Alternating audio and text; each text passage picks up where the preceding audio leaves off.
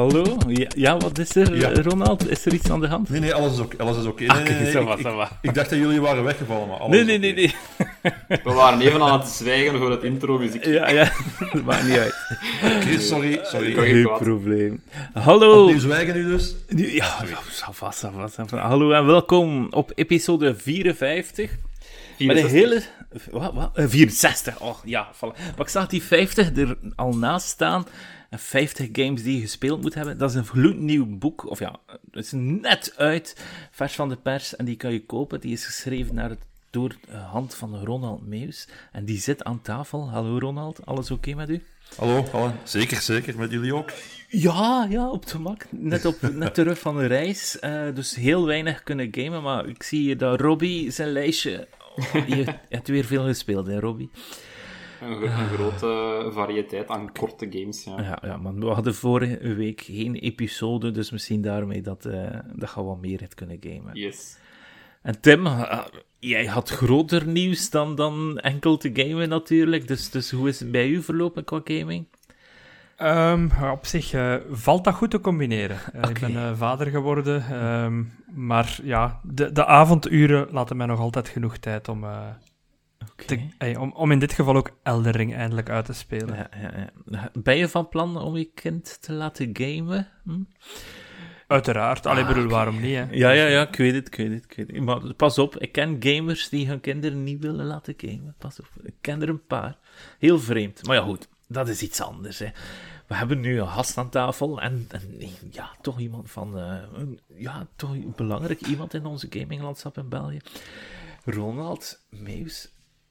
Hallo, hoe, hoe, Hallo. ja, hoe ben Veel je te veel- begonnen? Ja, Veel te veel eer trouwens. Veel te veel eer. Ehm, meestal vraag ik aan de gasten. Ja, we weten Bitkroeg, hè. kroeg zit in de naam. Hè. We doen het een beetje laks. Ehm, ik drink nu een limoncello bijvoorbeeld.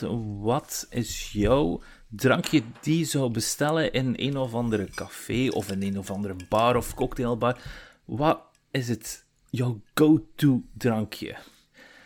Mijn poison, ik heb hem hier vast trouwens, eh, omdat dit, een, dit, dit, bedoeld was als een kroeg. Ik, eh, ik denk gin tonic. Ah, Eh, ik heb mezelf een, een Rocco gin gemonteerd. Dat, is, dat, is een, dat is een gin met Japanse kruiden erin. oh, Zeer lekker, zeer, zeer verfijnd. Ja, en welke tonic gebruik je? Ik heb, een, ik heb een gewone Indian tonic, een gewone bittere tonic eh, Ah, erbij. Ik, ik, ik hou niet van, van, van al die De. Ik doe daar ook nooit, bot- ik doe er nooit botanicals in of zo. Eh, de, de, de kruiden moet, moeten, moeten uit de gin komen, Ja, vind nee, ik. voilà. Bestel, ook, bestel ook altijd gekruid, ik bestel ook altijd kruidige gins. Ja, ja oeh, hier in Gent hebben we een hele goeie. Hè. Hij noemt kruid. eh, dat is een vermoed. Nee, dat zijn een gin. Gingerella. Gingerella is een vrij goeie. Oké, oké, ja. Ja, ja, Gingerella, die is hier uit Gent. Die is vrij lekker. Een kruid, zal ik eens proberen. dat is een vermoed. Ook super goed. Oh, Oké, maar ja, we worden niet van gesponsord. Maar ja, ik, ik spreek wel graag over drank. Hoe ben je begonnen in het gaminglandschap? Laten we eerst daar eens mee van start gaan. Wat we hebben was vast wel luisteraars die zeggen van, ik ken die kerel niet. Dat kan natuurlijk. hè. Ehm, hoe ben je begonnen? Wat, wat is je input of zo? Ja. Ja, vanzelfsprekend. Eerst als gamer en daarna pas als journalist. Hè. Eh, Ja. Maar ik, eh, ik ben eh, afgestudeerd in 1998 en op dat moment begon gaming zo'n beetje op te komen. Niet alleen als, als entertainment medium, want de, de PlayStation-console had een paar jaar eerder videogames van, van het speelgoedrek naar het multimedia-rek ge- gebracht. Ja? Ehm, en en mm, eh, mainstream pers begon zich daar ook een beetje op te, op te gooien. En ik, ik was. eh, De, de, de- ik had het geluk om, op, om op, op het juiste moment en op de juiste plaats te zitten. Hè. Dus ik ben, ben vrij vroeg ehm, videogames beginnen te bespreken voor het Maandblad Netwerk, dat al heel lang niet meer bestaat, maar dat op dat moment zo'n beetje ehm, de, de Vlaming probeerde te verlekkeren voor, voor alles wat, wat, wat multimediaal was. Cool. En iets later ben ik het ook voor, eh, voor de kranten morgen beginnen te doen. En zo is het een beetje aan het rollen geraakt. Ja. Eh, ik, ben, eh, ik ben een paar jaar ben ik zo'n beetje na mijn uren blijven videogames recenseren voor, voor, voor die verschillende media. Terwijl ik nog een gewone keurige dagjob had. Ja. En dan uh, op een bepaald moment, rond het jaar 2006, ben ik, ben ik van videogames bespreken en, en, en de hele, de, het hele medium en de hele business daar rond te chroniceren, ben ik daar uh, mijn quasi uh, fulltime dagtaak van beginnen maken. Ja. Ja. ik ben er jaloers op, dat moet ik wel zeggen. um, maar het ook nu, al eerder een boek uitgebracht? Het eerste boek, die je um, kan vinden in de meeste Game Mania's, heb ik al gezien. Wil je daar nog iets over uh, klopt, ja. pluggen? Want ik ben er wel Ja, benieuwd. goed. Zeker, zeker, zeker, absoluut. Um, uh, bonus level is, is zo'n beetje, was zo'n beetje mijn... mijn uh, mijn, binnen, binnen het kleine ding wat ik doe, was dat mijn, zag ik dat een beetje als mijn magnum opus. Ik, heb, ik ben voor dat boek is heel diep in mijn eigen archief gegaan. Ja? En ben ik dat archief ook, ook gaan uitbreiden. Dus ik ben, maar niet alleen doorheen de 20, 22 jaar dat ik, dat ik zelf werk, werkzaam was als journalist. Ja. Ik heb heel veel mijn eigen teksten gedoken, dat wel, maar ik, ook, ook daarvoor, want ook als, als 15-jarige Ja. kocht ik videogamebladen en was ik geïnteresseerd in, in wat er achter de games zat die ik speelde. Ja. En eh, ik ben die gewoon eh, bij mijn ouders uit, uit mijn jongenskamer gaan halen, degene die ik had. En de rest ben ik gaan opzoeken op eh, Internet Archive, waar Ja. echt alles op staat. Ik heb het over bladen als Advanced Computer Entertainment. Dat was zo, eh, de, de voorloper van, van Edge, van dezelfde uitgever. Ah, Eh, oké. bijvoorbeeld. Ehm, Ja, Edge is en- nu en- echt wel een, een topblad. Hè? Als, dat is nog de enige Ja. echte die ik zie liggen in de winkel. Dat ik denk van, Klopt, ja, dat ja. is wel de, een, een van de betere. Ja. Ja. Wel, e wel, Ace was, was de voorloper daarvan. Ja. Eh, daar, heeft, daar heeft eigenlijk maar een jaar of zo tussen de twee gezeten. Dus tussen het opdoeken van Ace en, en de start van Edge. En had eigenlijk dezelfde kwaliteit en was van hetzelfde kaliber. Ik ga hier geen vrienden mee Toen maken, al. maar ik vind Edge zo wat te text-heavy. Ah, ja. Dat is zo echt een Ja, boekje met ja. heel kleine font en, en weinig, Ja, af, klopt, allee, dat is maar weinig screenshots en zo. En ik vind in een boekje dat je fysiek vast hebt, heb ik toch nog graag zo wat, wat speelsheid in, zo wat screenshots en wat quotes eronder en dergelijke. Ah ja. ja ik ben Ik echt meer... dat Ik vind daar het zelf in. wel... Ja. Eh, ik ga mee als je zegt dat, dat, daar, dat, dat de tekst veel, veel, te, veel, te, veel te volumineus erin is. Mhm. En dat die tekst te weinig ademt. Maar tegelijkertijd vind ik het wel een heel mooi vormgegeven blad. Ja. Ja, ja, zeker de cover altijd. Die zijn om te verzamelen. Het is, voilà, het is zo'n beetje de Rolling Stone magazine van, Ja. van, van videogames. Hè. Dat is waar. Eh, Ja, ik heb ook een tijdje gekocht, die Edge magazines, maar uiteindelijk ja, moet ze ook vinden natuurlijk. Hè, want het is een Engels blad en niet iedere dagbladhandelaar verkoopt die. Dus eh, nee, klopt. Eh, ik, koop hem, ik, ik heb er geen abonnement op, maar ik koop hem wel eens als ik eens in, eh, eens in Londen beland. Wat Ja. tot twee jaar geleden vaker gebeurde dan nu.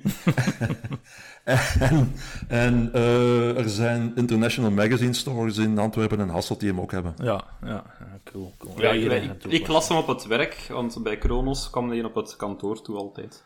Ja. Oh, ja, om dat was wel leuk. Dat lag dan bij ons aan de inkom. Ja, ja. En dan, dan sneakte ik er af en toe eentje mee naar huis voor op mijn gemak op de trein te lezen en dan leg ik dat terug. We hebben je uitgenodigd omdat je nu net je tweede boek uit hebt, natuurlijk. Hè. 50 games die je gespeeld moet hebben. Dat is de correcte titel, neem ik aan. Ja, absoluut, absoluut. Ehm, ik heb dat boek een beetje gedistilleerd uit, uit diezelfde research die ik, die ik Mhm. eh, twee jaar geleden heb, eh, heb gedaan. En eh, waar ik veel meer tijd in heb kunnen steken dankzij, dankzij COVID eigenlijk. Ja. Ehm, en ik, ik, ik had zoiets van... Ik kreeg, ik kreeg na bonus level eh, kreeg ik wel eens de, de opmerking van ja, er staan wat te weinig prentjes in. Je, je vernoemt er heel veel games en je, je Ja. ziet te weinig prentjes. Toen dacht ik van... Laat ik, laat ik er eens een soort van afgeleid boek bij maken eh, dat vlotter bladerbaar is, dat je gemakkelijk mee kunt pakken na- naar het strand. Ja. En waar tenminste iedere game die besproken wordt eh, een beeld krijgt. Ja, ja. Dus. Nou, slim. Slimme take. Ja, dat klopt. Natuurlijk, eh, moest ik... ik zou dat niet durven. Zo, ik, zou, ik zou niet zomaar zeggen, hier zijn ja, tien games die je gespeeld moet hebben. Omdat, ik, Ja. omdat ik altijd... Ja, ik denk altijd, ik ga er eentje vergeten. Of, ik, ik ga, of er gaat kritiek zijn uit bepaalde hoeken natuurlijk. Hè. Sowieso. Dus, dus, Uiteraard, ja. Maar discussie is juist goed, hè. eh, ja, ja. Ja, voilà, de- de- dat speelde bij ook wel mee in, in, de, in het idee van, ja, ik, bedoel, ik, ik maak er gewoon mijn eigen lijst van. Eh, andere criteria die, ik- die, ik heb, die ik heb gehanteerd waren, eh, ja, het moet ook een beetje verrassend zijn. Ja.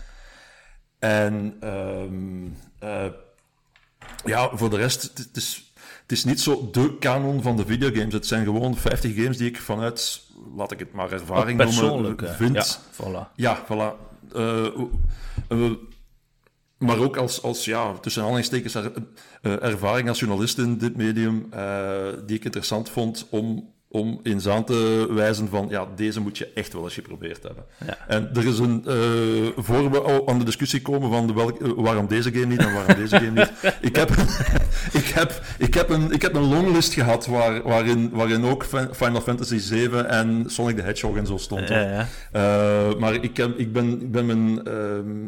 Ik, ben het, ik, ik, wou op, ik wou het echt op 50 games houden. Ja. eh, omdat ik een, een, deze keer een heel compact werk wilde brengen. En weer geen turf van 400 bladzijden. Ja, ja. En het, dus het van een grotere lijst begonnen en het dan de markeerstift gepakt Ja. van die, die, die. Oeh. Zo, ja, ja, voilà, precies. En uiteindelijk, uiteindelijk bij dit dan, dan terechtgekomen. Ook met een beetje een, eh, een chronologische lijn Ja. in. Gemerkt. Eh, met met eh, ook eh, met als criterium dat ongeveer alle genres er, er wel wat moeten in zitten. Mhm. Ja, want dat is een Eh, lastige. Dat, dat zou ik ook een probleem mee hebben. Ja, Want ik ben geen, precies. geen persoon die vaak reist in videogames. Dat vind ik niet zo. Goh ja, Ja, ja. dat, dat is niet mijn ding. Voilà, van die ja iedereen heeft zijn genre uiteraard. hè. Voilà. Of, of, ja, of een FIFA of al die sportgames die een gigantische impact hebben gehad in de videogames-industrie. Absoluut. Maar, maar ik denk niet dat de, de, de, de kenner graag leest daarover, om het zo te zeggen. Dus Mm. dat is... eh, Nee, precies. Ja, er valt wel wat te vertellen over de, over de ontwikkeling van FIFA of zo, maar... eh, Ja. de- de- al- ja, als FIFA heeft game- een als gigantische impact, maar uiteindelijk Ja, het is ieder jaar hetzelfde. Oei. ja, ja, maar het is zo. Het is zo. Robbie, heb jij nog iets eh, te vragen toevallig? Nee, ik was gewoon aan het zeggen over die FIFA. Van, Ja. Eigenlijk moet je daar geen specifiek jaartal of een titel op plakken, maar gewoon zeggen een voetbalgame. Want eigenlijk lijken ze allemaal een beetje op elkaar. Ja, ja, wel, ja dat is Ja. klopt. Ehm, 50 games. Het is, eh, we hebben de, de, de, de, de lijst doorgekregen, dus wij, wij hadden die eer, ik, Robbie en Tim. En ehm, we hebben elk drie games gekozen. We gaan ze niet allemaal opnoemen hè, voor jullie luisteraars, omdat anders, anders heb je geen reden om die boek te kopen. Maar ik moet wel zeggen, Maar geen spoilers. en voilà. En, en er zitten veel games tussen die ik zeg van, ja, ja, ja, ja, ja, ja. Maar er zitten natuurlijk ook wel games van dat ik denk van, allee, die heeft hij niet opgenoemd. Maar dan moeten jullie zelf wel ontdekken, denk ik dan. maar ehm, we gaan in chronologische volgorde gaan. En dan ik, zie ik dat Robbie hier één ster heeft geplaatst. We hebben ook sterretjes geplaatst op, zijn, op die 50 lijst. Ehm, bij, bij Asteroids, Robbie en, en Ronald. Ja, begin maar de discussie. Ik ga nu even achteruit.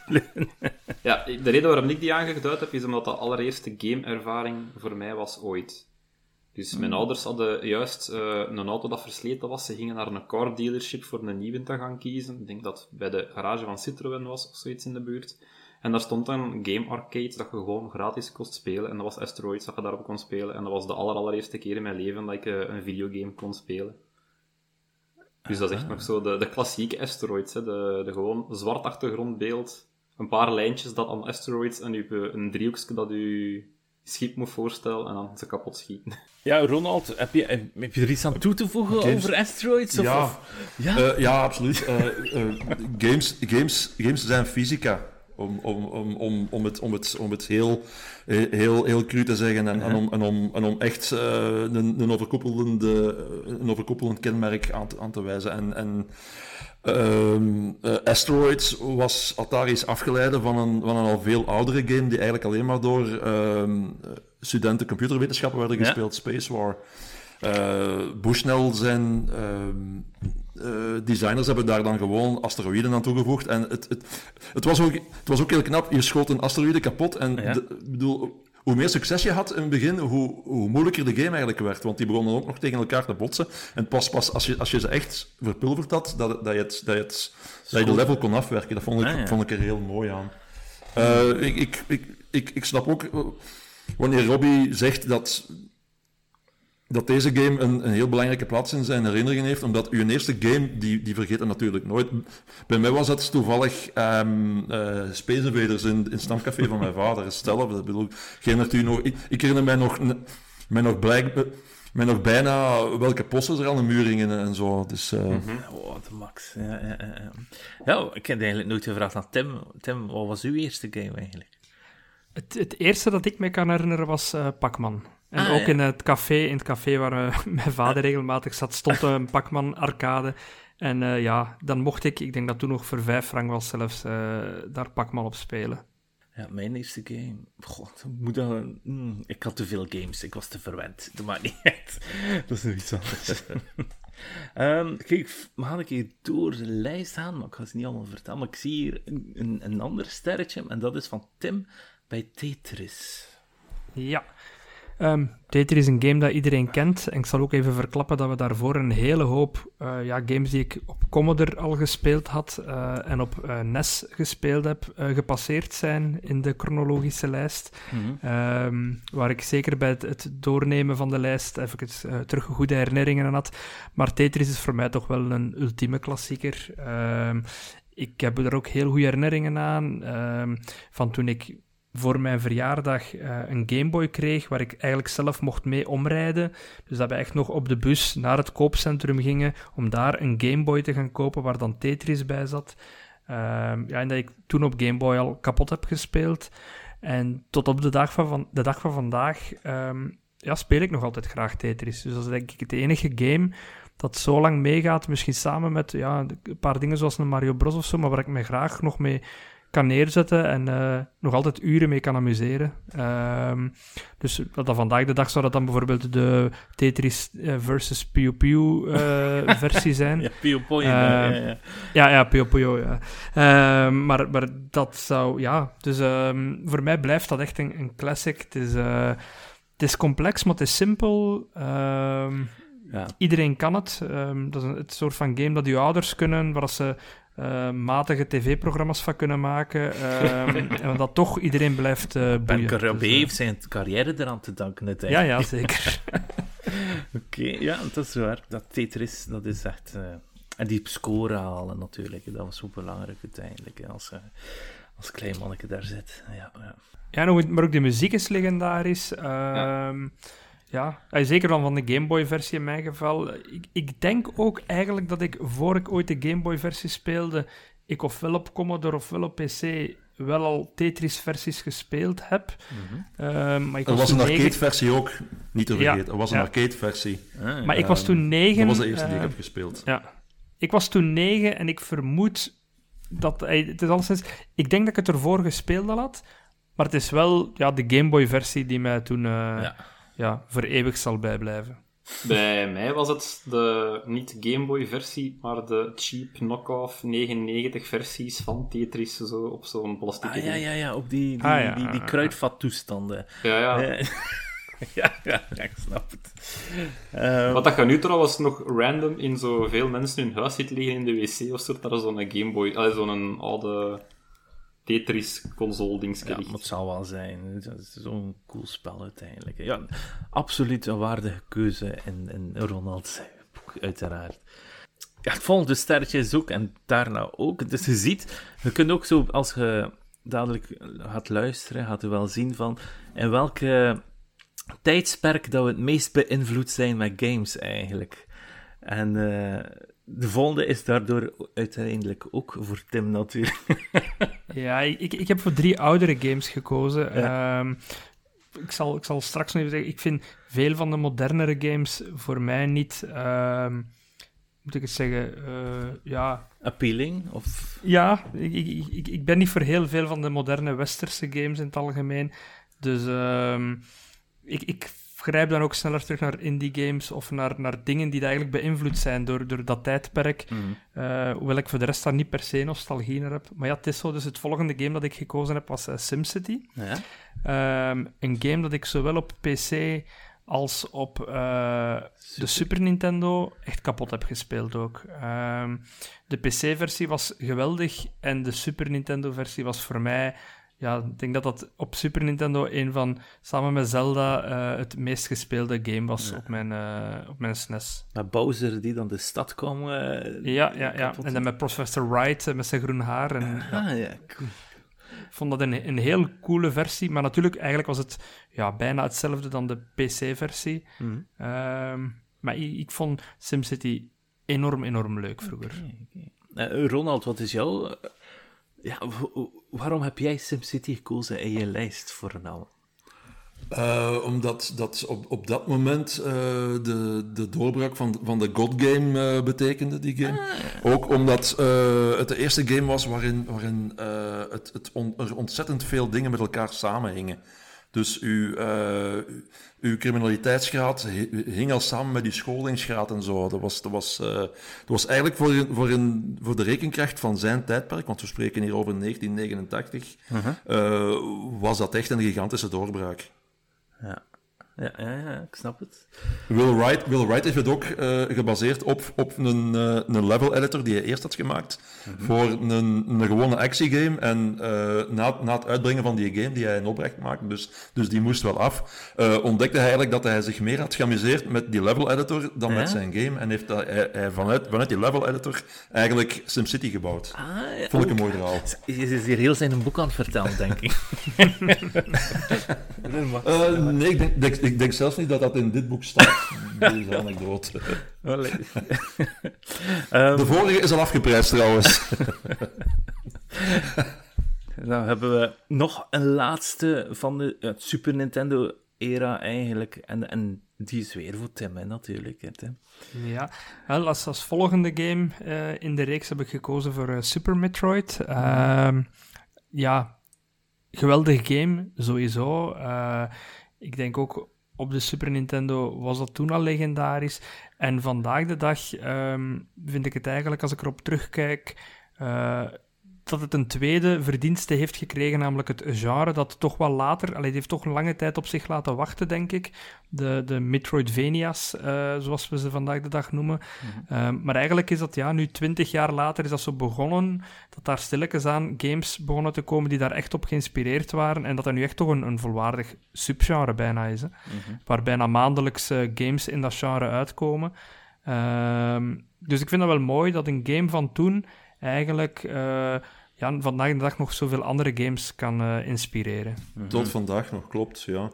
Want eigenlijk op Super Nintendo heb je niet veel van dat type games. Je hebt Super Metroid en dat is het.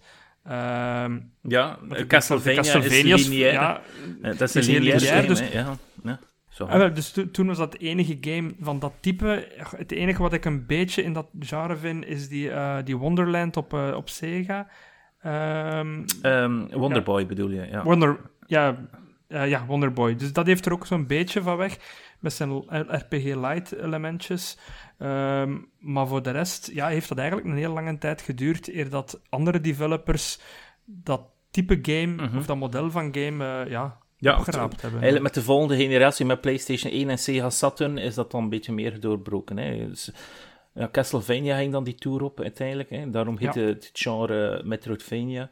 Maar zelf Nintendo, zelf Nintendo heeft nooit op, met andere type games dat soort gameplay uh, eh, Ik durf dat, of ik durf dat tegen te spreken. Met, met, Zelda, met, met Zelda in feite op uh, Link to the Past. Hè. Maar ja, dus het is een hele genre discussie dan. Hè, ja, ja. ja. Hm. Okay. Dat Metroidvania-genre is ook pas echt opgepikt uh, recentelijk door, door die, uh, in die indie-beweging, hè, de jaren ja, inderdaad. Ja. Uh, dat heeft wel sluimerend een leven gehad, inderdaad, op, op de Sega en, en, en voor een stuk Nintendo-consoles. Maar het is, het is pas echt opnieuw geëxplodeerd in die, uh, in die indie scene. In, in die hele ja. indie scene, ja. Ja, absoluut. Ja. Al de meeste kickstarting games dat je ziet, is ofwel een roguelite, oftewel een Metroidvania. Ik weet het. uh, dan hebben we... Dan zie ik hier... Dan ga ik de volgende games niet spoilen natuurlijk, wat er tussen staat, maar het is wel een belangrijke. Maar die erachter, dat is eentje die ik aangekruist heb, dus daar kunnen we wel over spreken. Dat is The Legend of Zelda Ocarina of Time. Het zal wel zijn, godverdomme. Hoe spel dat dat was destijds. Ik heb die wel later pas gespeeld. Ik heb die maar gespeeld toen die uh, bij de GameCube kwam. Dus verschillende GameCube games kreeg je die die editie erbij. Eh, Legend of Zelda Ocarina of Time. Oftewel kon je die met puntjes kopen. Oftewel kon je die krijgen bij de Wind Waker. Oftewel kreeg je die bij Cube. Of bij Mario Kart zelfs op een gegeven moment. Ze gaf met alles. Nintendo was veel vrijgever toen dan tegenwoordig, moet ik wel zeggen. Uh, maar ook Ocarina of Time. Uh, zelfs op die, dat moment, toen dat eigenlijk een Wind Waker al uit was, vond ik Ocarina of Time nog altijd veel pakkender. Uh, de muziek en de, de, de wereld, het, het, het, langzaam opbouwend naar, naar, ja, naar je quest dat je moet doen. En uiteindelijk is, denk je dat je de quest hebt gedaan, maar dan ben je plotseling een oudere Link en dan is er nog een gigantische ja, game hierna en, en oh, het, het hield niet op. En, en ja, en het heeft target locks in, in de wereld gebracht natuurlijk. Hè. Maar er waren wel andere games hiervoor, een paar jaar, maar die hebben niet zo aange, aangeslaan. Hè. Mega Man Legends heeft Target Locks eerder geïntroduceerd, een jaar ervoor. Maar Ocarina of Time heeft het gewoon ja, naar de massa gebracht, in feite. En, en, en ja, die, die, je ziet het tegenwoordig ook in From Software games. Alles is gebaseerd eigenlijk op Ocarina of Time, volgens mij. Hè. Um, ja, gewoon geweldig spellen. Ik weet niet, Ronald. ja, zeker, zeker. Het liet kunnen zien van, het liet op dat moment kunnen zien van, van wat videogames echt, echt kunnen zijn. Ja. En uh, onder andere al die dingen die je daarop noemt, uh, maar, maar ook, maar ook het, eh, de, de epiek van, van dat hele verhaal en die hele wereld en zo. Het, het liet op, op de hardware van toen echt, echt al zien van, kijk, ik bedoel, hier zit nog veel meer in dit medium. Mm -hmm. Ja, sowieso. Dus uh, Nintendo 64 toen, er waren maar een paar games die je moest hebben voor de Nintendo 64, maar dat was er absoluut één van. En dan gaan we heel wat jaren verder, naar de GameCube-era, um, omdat ik daar weer eentje heb gekozen. En ik ben er nu weer mee bezig in VR. En trouwe luisteraars gaan het direct al weten welke in dat ik bedoel. Dat is natuurlijk Resident Evil 4 met Leon S. Kennedy, die ontzettend cool is. Eh, dat was een man crush voor mij toen der tijd. Um, maar dat was, oh, dat was zo'n geweldig avontuur om dat uit te spelen. Third-person shooter, dat ik, had ik toen nog niet veel tegengekomen. En dan gewoon dat schietje. Maar die impact van die kogel zie je in die zombies. Want die, die, die, die gaan een stapje achteruit. Je voelt dat iedere keer. Ik vind het gewoon echt een fantastisch fantastisch spel. En nu dat ik hem hier in VR beleef, dat is nog zoveel te beter. Hè. Dat is echt niet te doen. En, en, ook je kistje, je kunt je wapens daarin zetten. En, en dat eitje moet je dan verplaatsen om toch een nieuwe herb erin te kunnen steken, om je te kunnen healen. Zo'n fantastisch systeem. Dat was ook een revolutionaire, hè, met de over-the-shoulder camera. Ja, ja. ja, dat wou ik net zeggen. Dat, dat camera-standpunt, dat was een uh, belangrijke vernieuwing hè, in die tijd. Resident Evil 4 was oorspronkelijk ook niet... ging geen Resident Evil worden. Hè. Dat ging eerst Devil May Cry worden. Maar uiteindelijk hebben we het zodanig aangepast uh, dat het uiteindelijk Resident... Nee, het, was, het is Devil May Cry die oorspronkelijk Resident Evil ging worden. Maar gelukkig hebben we toch Resident Evil 4 gekregen, dan kan het zo zeggen. Dat is beter. Ja, nee, ik vind het fantastisch, nog altijd. Um, dat is eentje die, die, die ik iedere drie à vier jaar opnieuw speel. Op alles en nog wat dat het uitkomt. En binnenkort gaan we een nieuwe zien. Hè. Oeh. Ik denk dat dat mijn eerste completionist game was op de PlayStation 2. Is het? Dat ik het echt zo verschillende keren op rij uitgespeeld had van ik moet alles gezien hebben, ik moet alles gedaan hebben. Ja, maar die moest eerst exclusief zijn hè, voor de Gamecube op een gegeven moment. Ja. Maar ze hebben dat contract snel verbroken. Er was toch een jaar tussen geweest, denk ik hoor, eer dat hem op PlayStation 2 kwam. Ja. ja. Ik, herinner me dat, ik herinner me dat, dat hij heel lang exclusief op uh, Gamecube was. Ja, ik was toen wel een redelijke Nintendo-fanboy fanboy. En ik was dan een beetje boos natuurlijk, hè, dat ze extra missies gekregen hebben. Het zal toch wel niet zijn met, met Ada. Maar uiteindelijk, ja, hoe meer, hoe beter. Hè. Maar je had wel een coole chainsaw controller. Ja, die, die, heb ik gehad, alle twee. Op de geel en de rol. Maar ja, dat is, oh, dat is, oh, dat is 20 jaar geleden. Maar de volgende, Robbie, is eentje voor u. Ja, uh, ik heb Shadow of the Colossus eruit gekozen. Ja? Dat was, als ik het mij goed herinner, zo'n beetje tegen het einde van het PlayStation 2-tijdperk. En dan een keer even tonen van wat dat er uit die console kon uitgehaald worden. En voor mij was het ook fantastisch dat ze gewoon zo al de, de filler er hadden uitgeknipt en alleen die bossfights hadden ingelaten. En dat door de grote wereld lopen, zonder dat ze echt zeggen van, ga naar hier. Oh ja, je had wel dat zwaar dat je in de lucht kost steken of zo, maar het was zo niet in your face en Mhm. verken de wereld maar een beetje.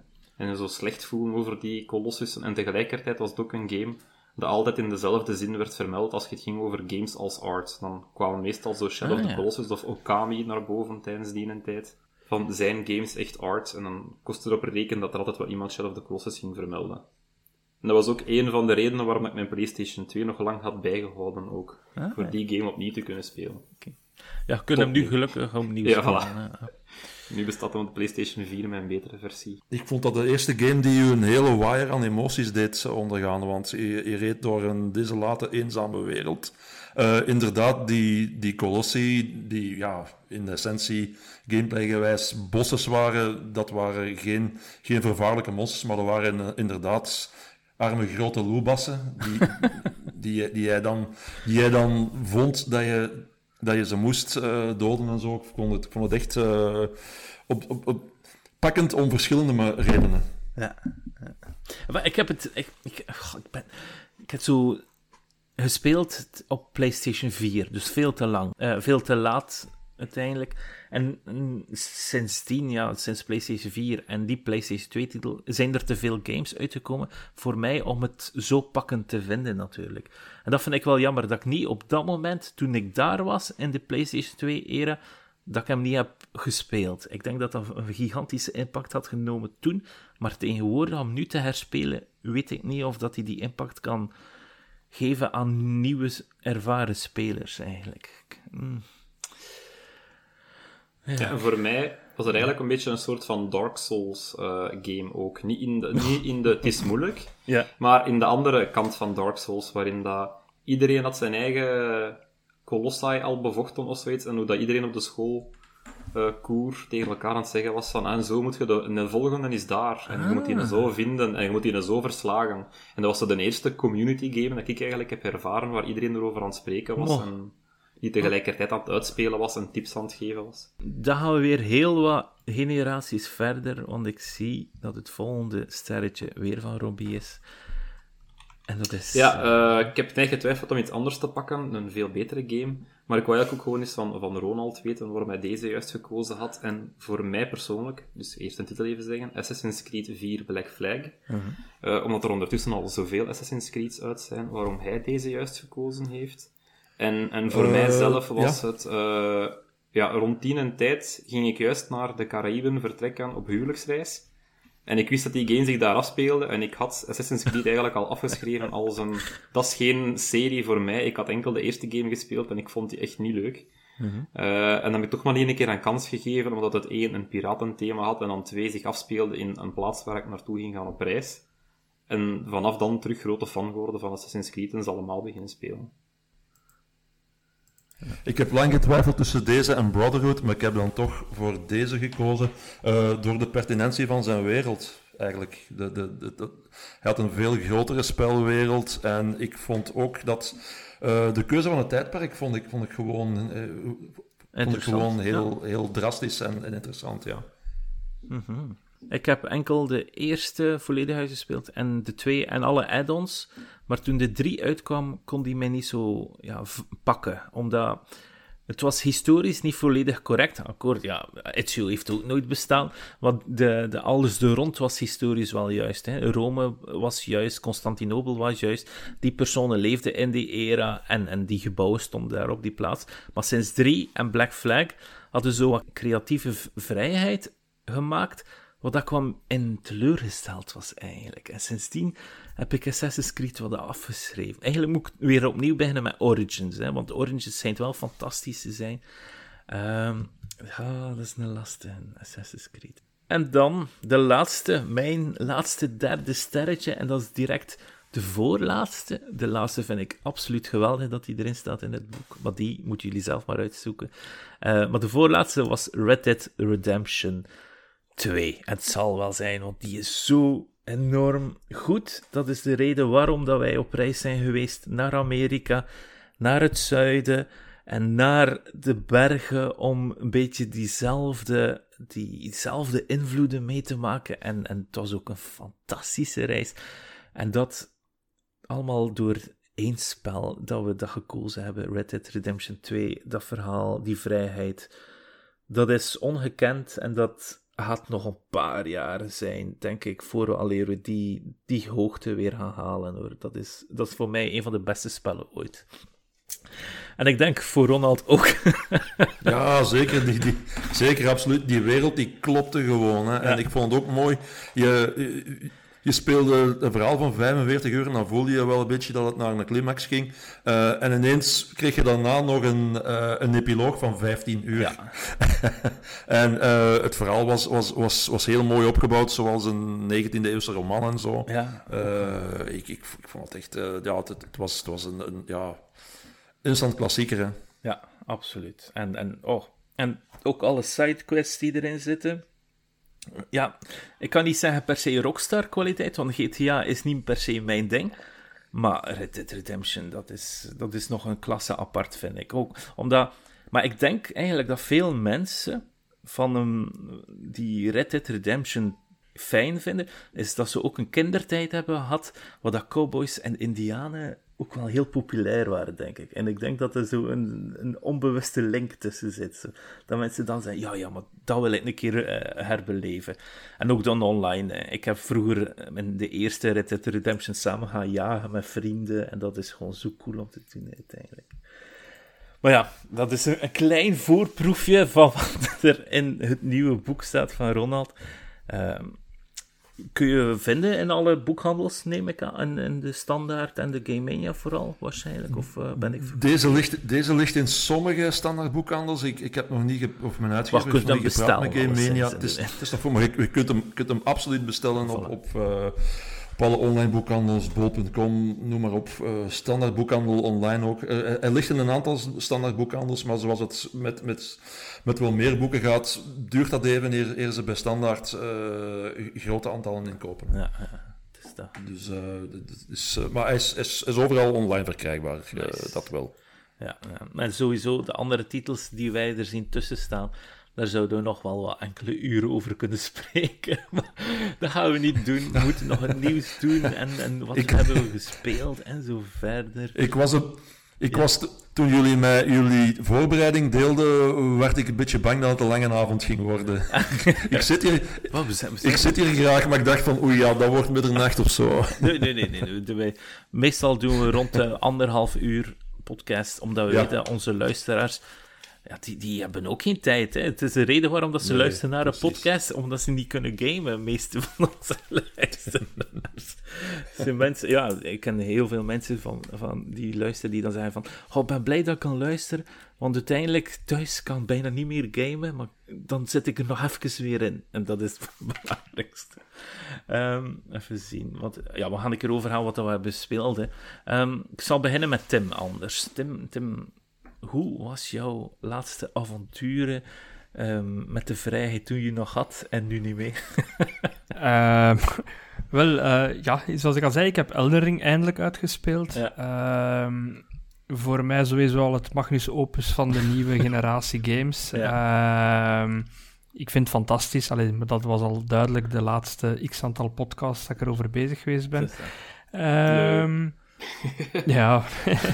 um, ja, ik vind ook niet direct dat het minder wordt op het einde. Het blijft goed, want sommige, zeker Dark Souls 1 en zo, die slabakte toch wel mm -hmm. destijds een beetje naar het einde toe. Ik vind, ja. Ja, ja, ik vind dat hier niet het geval. Ik vind nog altijd wel het eerste deel van Elden Ring het meest spectaculaire. Uh, maar het blijft wel echt goed. Uh, ik heb eerst nog snel zo wat boss battles gedaan die ik eerst overgeslagen had. En dan ja, uh, er finaal voor gegaan. Ja, ja. En welk einde en, heb je gekozen?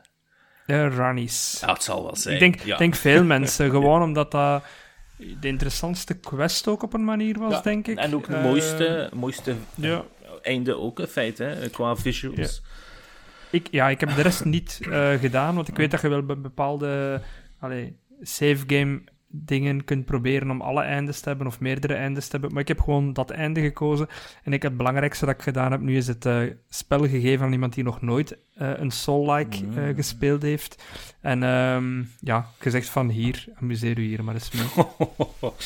ja, voor de leeuwen werpen en dan gaan we wel zien wat ja. er gebeurt. Oei, maar wat ik nu leuk vind, is dat ik wel, um, ja, wat je nu tegenwoordig kan, met PlayStation 5, ik weet niet wat bij Xbox is, is meekijken ja. met de anderen die aan het spelen is. Dus ik kijk nu soms met hem mee en ik geef hem wat tips aan oh. hoe hij aan dat game kan beginnen. En dat vind ik wel leuk, dat je op die manier ja, een beetje interactief toch nog kan meespelen en dat ik die wereld toch een klein beetje opnieuw kan op die manier bekijken. Ja, dat is een exclusieve feature bij PlayStation, die bestaat niet op Xbox. Ja, ja. Dat is echt een goede feature dat ze daar hebben. Maar dat wordt nog te, min, te weinig gebruikt bij sommige mensen, denk ik.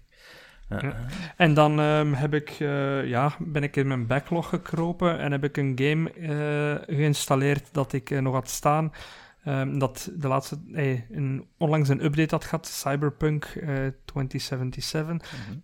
Ik had hem nog niet gespeeld. ik heb er nu de eerste vier uur of zo van kunnen doen.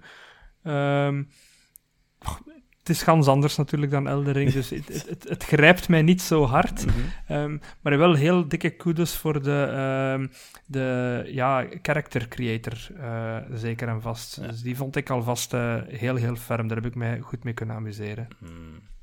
Ja, en welke, welke keuze, welk, ja, ik zal ras ga ik niet zeggen, maar wel, je hebt zo drie uh, street, keuzes in bij. ja, ja. Street, ja. ja. street level. Oké, okay, cool. Ja, want dat het begin is dan telkens anders hè, van die andere twee Streets. Tim of the streets. Robbie, moeten weer je waslijst afgaan.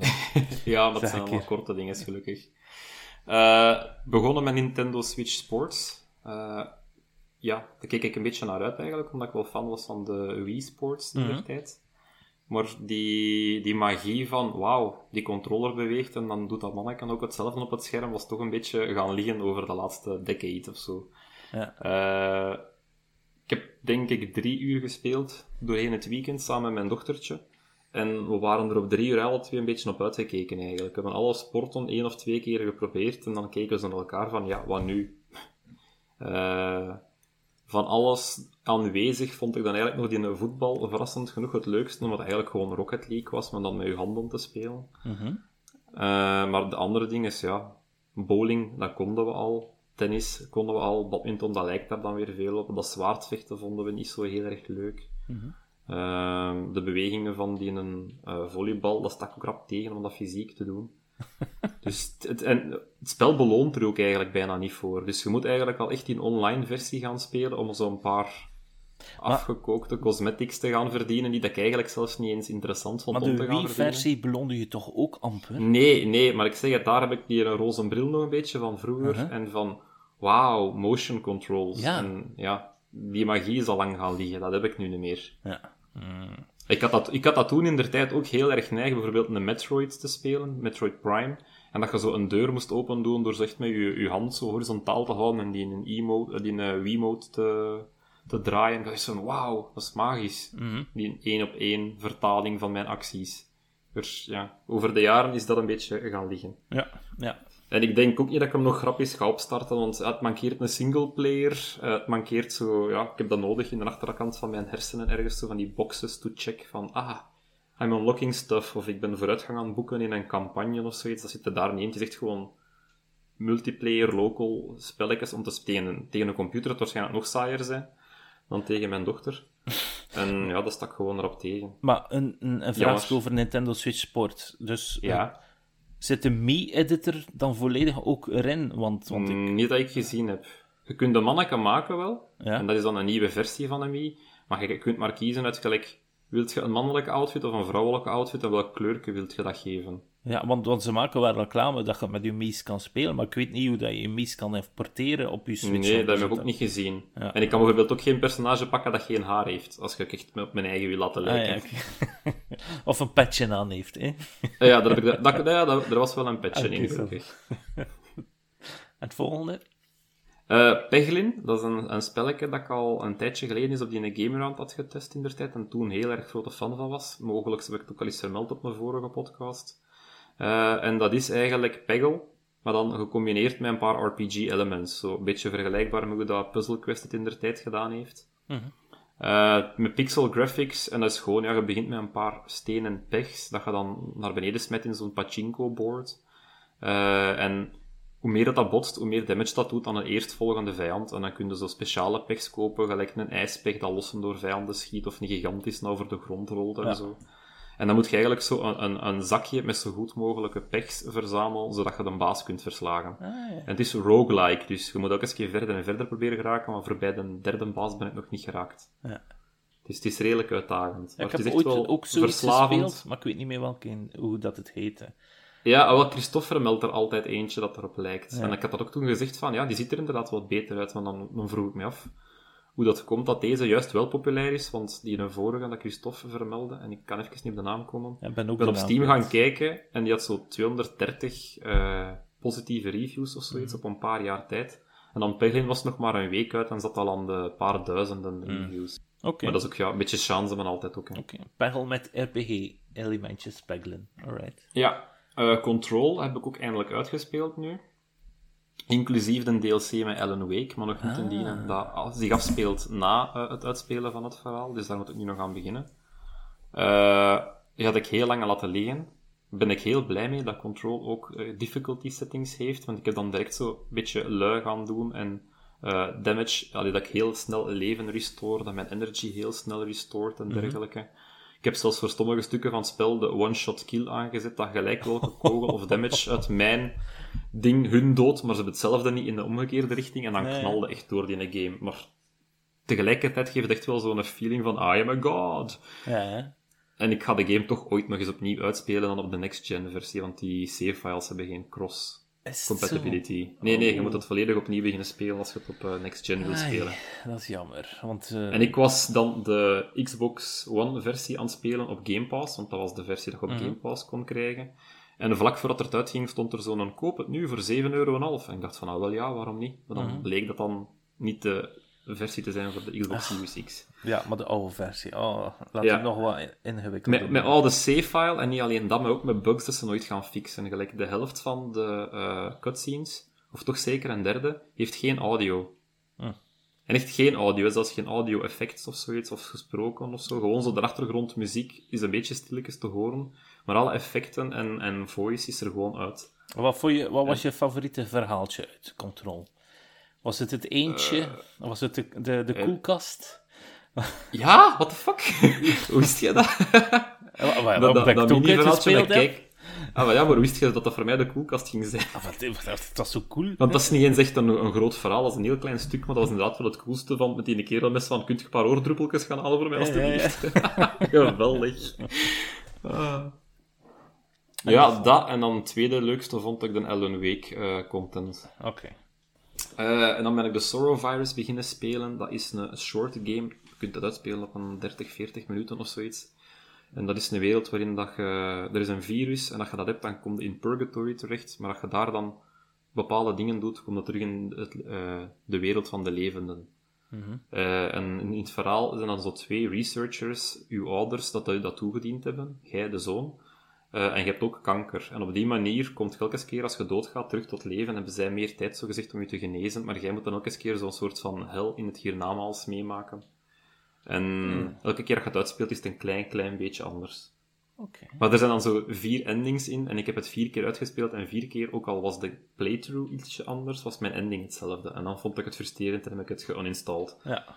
Oké. En, en blijkbaar moest je echt een heel specifieke sequence doen van dingen ook om iets anders Dus het te is niet de grootste aanrader, Virus. Het is, het is zo typisch eentje voor als je hem een keer aan 3 of 4 euro ziet binnen een paar jaar, waarom niet? Of als hem op Game Pass staat, waarom niet? Dan een hele grote aanrader. Ik heb hem net gereviewd voor Life is Xbox en een 100% score gegeven. Mijn eerste keer, denk ik, op, die, eh, op, de, op hun site. was de Stanley Parable Ultra Deluxe. Eh, ik was er al een heel grote fan van, van de Stanley Parable. En ik was ook een beetje stiekem aan het hopen dat hij in het lijstje van Ronald ging staan. Eh, die originele game vond ik super op PC. Ik heb denk alle eindes gezien die er te zien waren. En toen ook even zitten zoeken achter van wat heb ik nog gemist.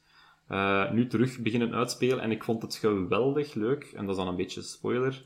Maar je krijgt zo'n bucket vergelijkbaar met de Companion Cube uit Portal. Uh, en dan kun je eigenlijk vanaf het begin van het spel die oprapen en dan toch alle eindes meemaken, een tweede keer, maar dan zo met extra lijnen of dialoog met het feit van, maar je hebt toch tenminste nu een emmer mee deze keer. Ik vond. Geweldig grappig en goed gedaan. Ik heb er dan ook een beetje een ander soort review van geschreven als anders. Oké. Eh, en als allerlaatste een Belgische game vandaag uitgespeeld, Spookware. Eh, die heb ik ook al verschillende keren vermeld op de podcast. Het is een hele, hele dikke aanrader. Momenteel is episode 1 beschikbaar. Er zijn vier episodes in totaal dat gaan uitkomen. Eh, en dat is best te omschrijven als Paper Mario meets WarioWare. Dus je hebt zo'n beetje een ludiek verhaaltje met drie Skelebros daar rondwandelen. Een heel, heel toffe papercut-achtige visuele stijl in een 3D-wereld met zo'n beetje eh, scanlines van een oude tv op en dergelijke. Zit, de stijl zit, is om af te likken, super goed gedaan. En dan in plaats van dat je combats zal hebben uit de Paper Mario games of de Mario Luigi games of zo, heb je hier eh, minigames, WarioWare-style, dat je moet spelen. Gelijk vingers afkappen of zoiets, of eh, ogen doorprikken in een restaurant. Eh, het vol met leuke dingen. Zeker een aanrader. Spookware. Ja, sowieso. Het staat op Steam. Het zal misschien ooit nog gepoord worden naar iets anders. Maar ik denk dat vooral Steam is dat je het beste gaat op kunnen ontdekken. Ja, ik, ik zal mij pas verwachten aan ports als alle vier de episodes uit zijn. Maar aangezien dat je nu al kunt spelen met een controller, denk ik wel dat er ooit een port mogelijk is. Ja. Ikzelf, ik ga er even ook tussen springen wat ik heb gedaan. Ik heb, ben net terug van vakantie, daardoor was er dus vorige episode geen ja, episode. ja, vorige week geen episode. Eh, ik ben naar Engeland geweest mm, zonder veel toestelletjes, dus ik heb niets kunnen gamen.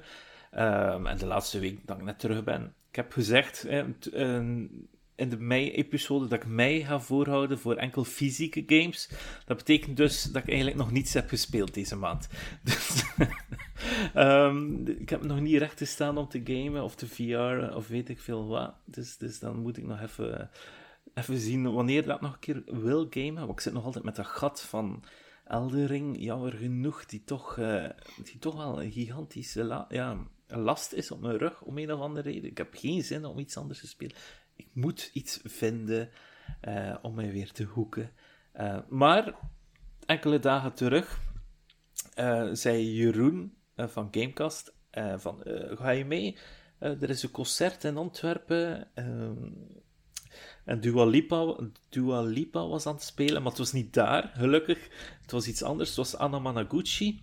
En dat was dus eh, het concert. Dus dat was dus de band achter Scott Pilgrim The Game. Dus die heerlijke bit sounds dat in die game verwerkt zitten, dat was van hun. En dat waren dus eh, drie gasten die daar stonden en die waren dus op normale instrumenten aan het spelen. Maar die instrumenten hebben een soort van 8-bit sound eh, erop gemot. Dus, dus dat ze aan het shredden waren op gitaren, maar dan kwam er zo uit. Wat wel heel cool was. Het was echt een heel mooi concert, mooie visuals. En ze hebben ook een ode gegeven aan Undertale op een gegeven moment. Dat, dat het publiek was, wow! En het was ook heel, heel, heel cool. Eh, ja, echt, echt een leuk concert. Anna Managuchi. Je kunt luisteren op Spotify natuurlijk. En eh, als je de muziek goed vond van Scott Pilgrim, The Game, ja, dan, dan, dan, dan weet je direct van wie dat, dat is. hè. Dus eh, het was heel, heel leuk. Oeh, Ronald. Ja. Speel jij ook Ehm, nog games? Ik probeer. ja? Ehm, ik ben eh, op, dit, op dit moment eh, Vampire the Masquerade eh Swansong aan het spelen. Ik mag daar voorlopig nog niet te veel over vertellen, omdat ik onder embargo sta en zo. Ja, Maar wat ik wel al kan zeggen is dat eh, het heel interessant is dat zij eh, RPG-elementen hebben toegevoegd aan eh, conversaties. ja. Dat vind ik tof. De manier waarop, daar kan ik niet te veel over, over vertellen, maar het, het, eh, ehm, tijdens de, de dialogue trees heb je echt het gevoel dat je ook een RPG aan het spelen bent. En dat, Oh. dat, is, dat is heel mooi. ja. Want, heb maar je nog eens, gespeeld? Ehm, de allereerste? de Red- Redemption heb ik, heb ik gespeeld, maar dat is ja, het, het, het begin van mijn loopbaan een beetje. Ja, het 2000 daarom, ja. ja, deze, deze is anders opgevat. Deze is meer een, een point-and-click adventure met, Ah. met RPG-elementen dan dat het echt een, een RPG met, met combat is. Dus Ja, ja. eh, je, je kunt de twee niet echt met, met elkaar vergelijken.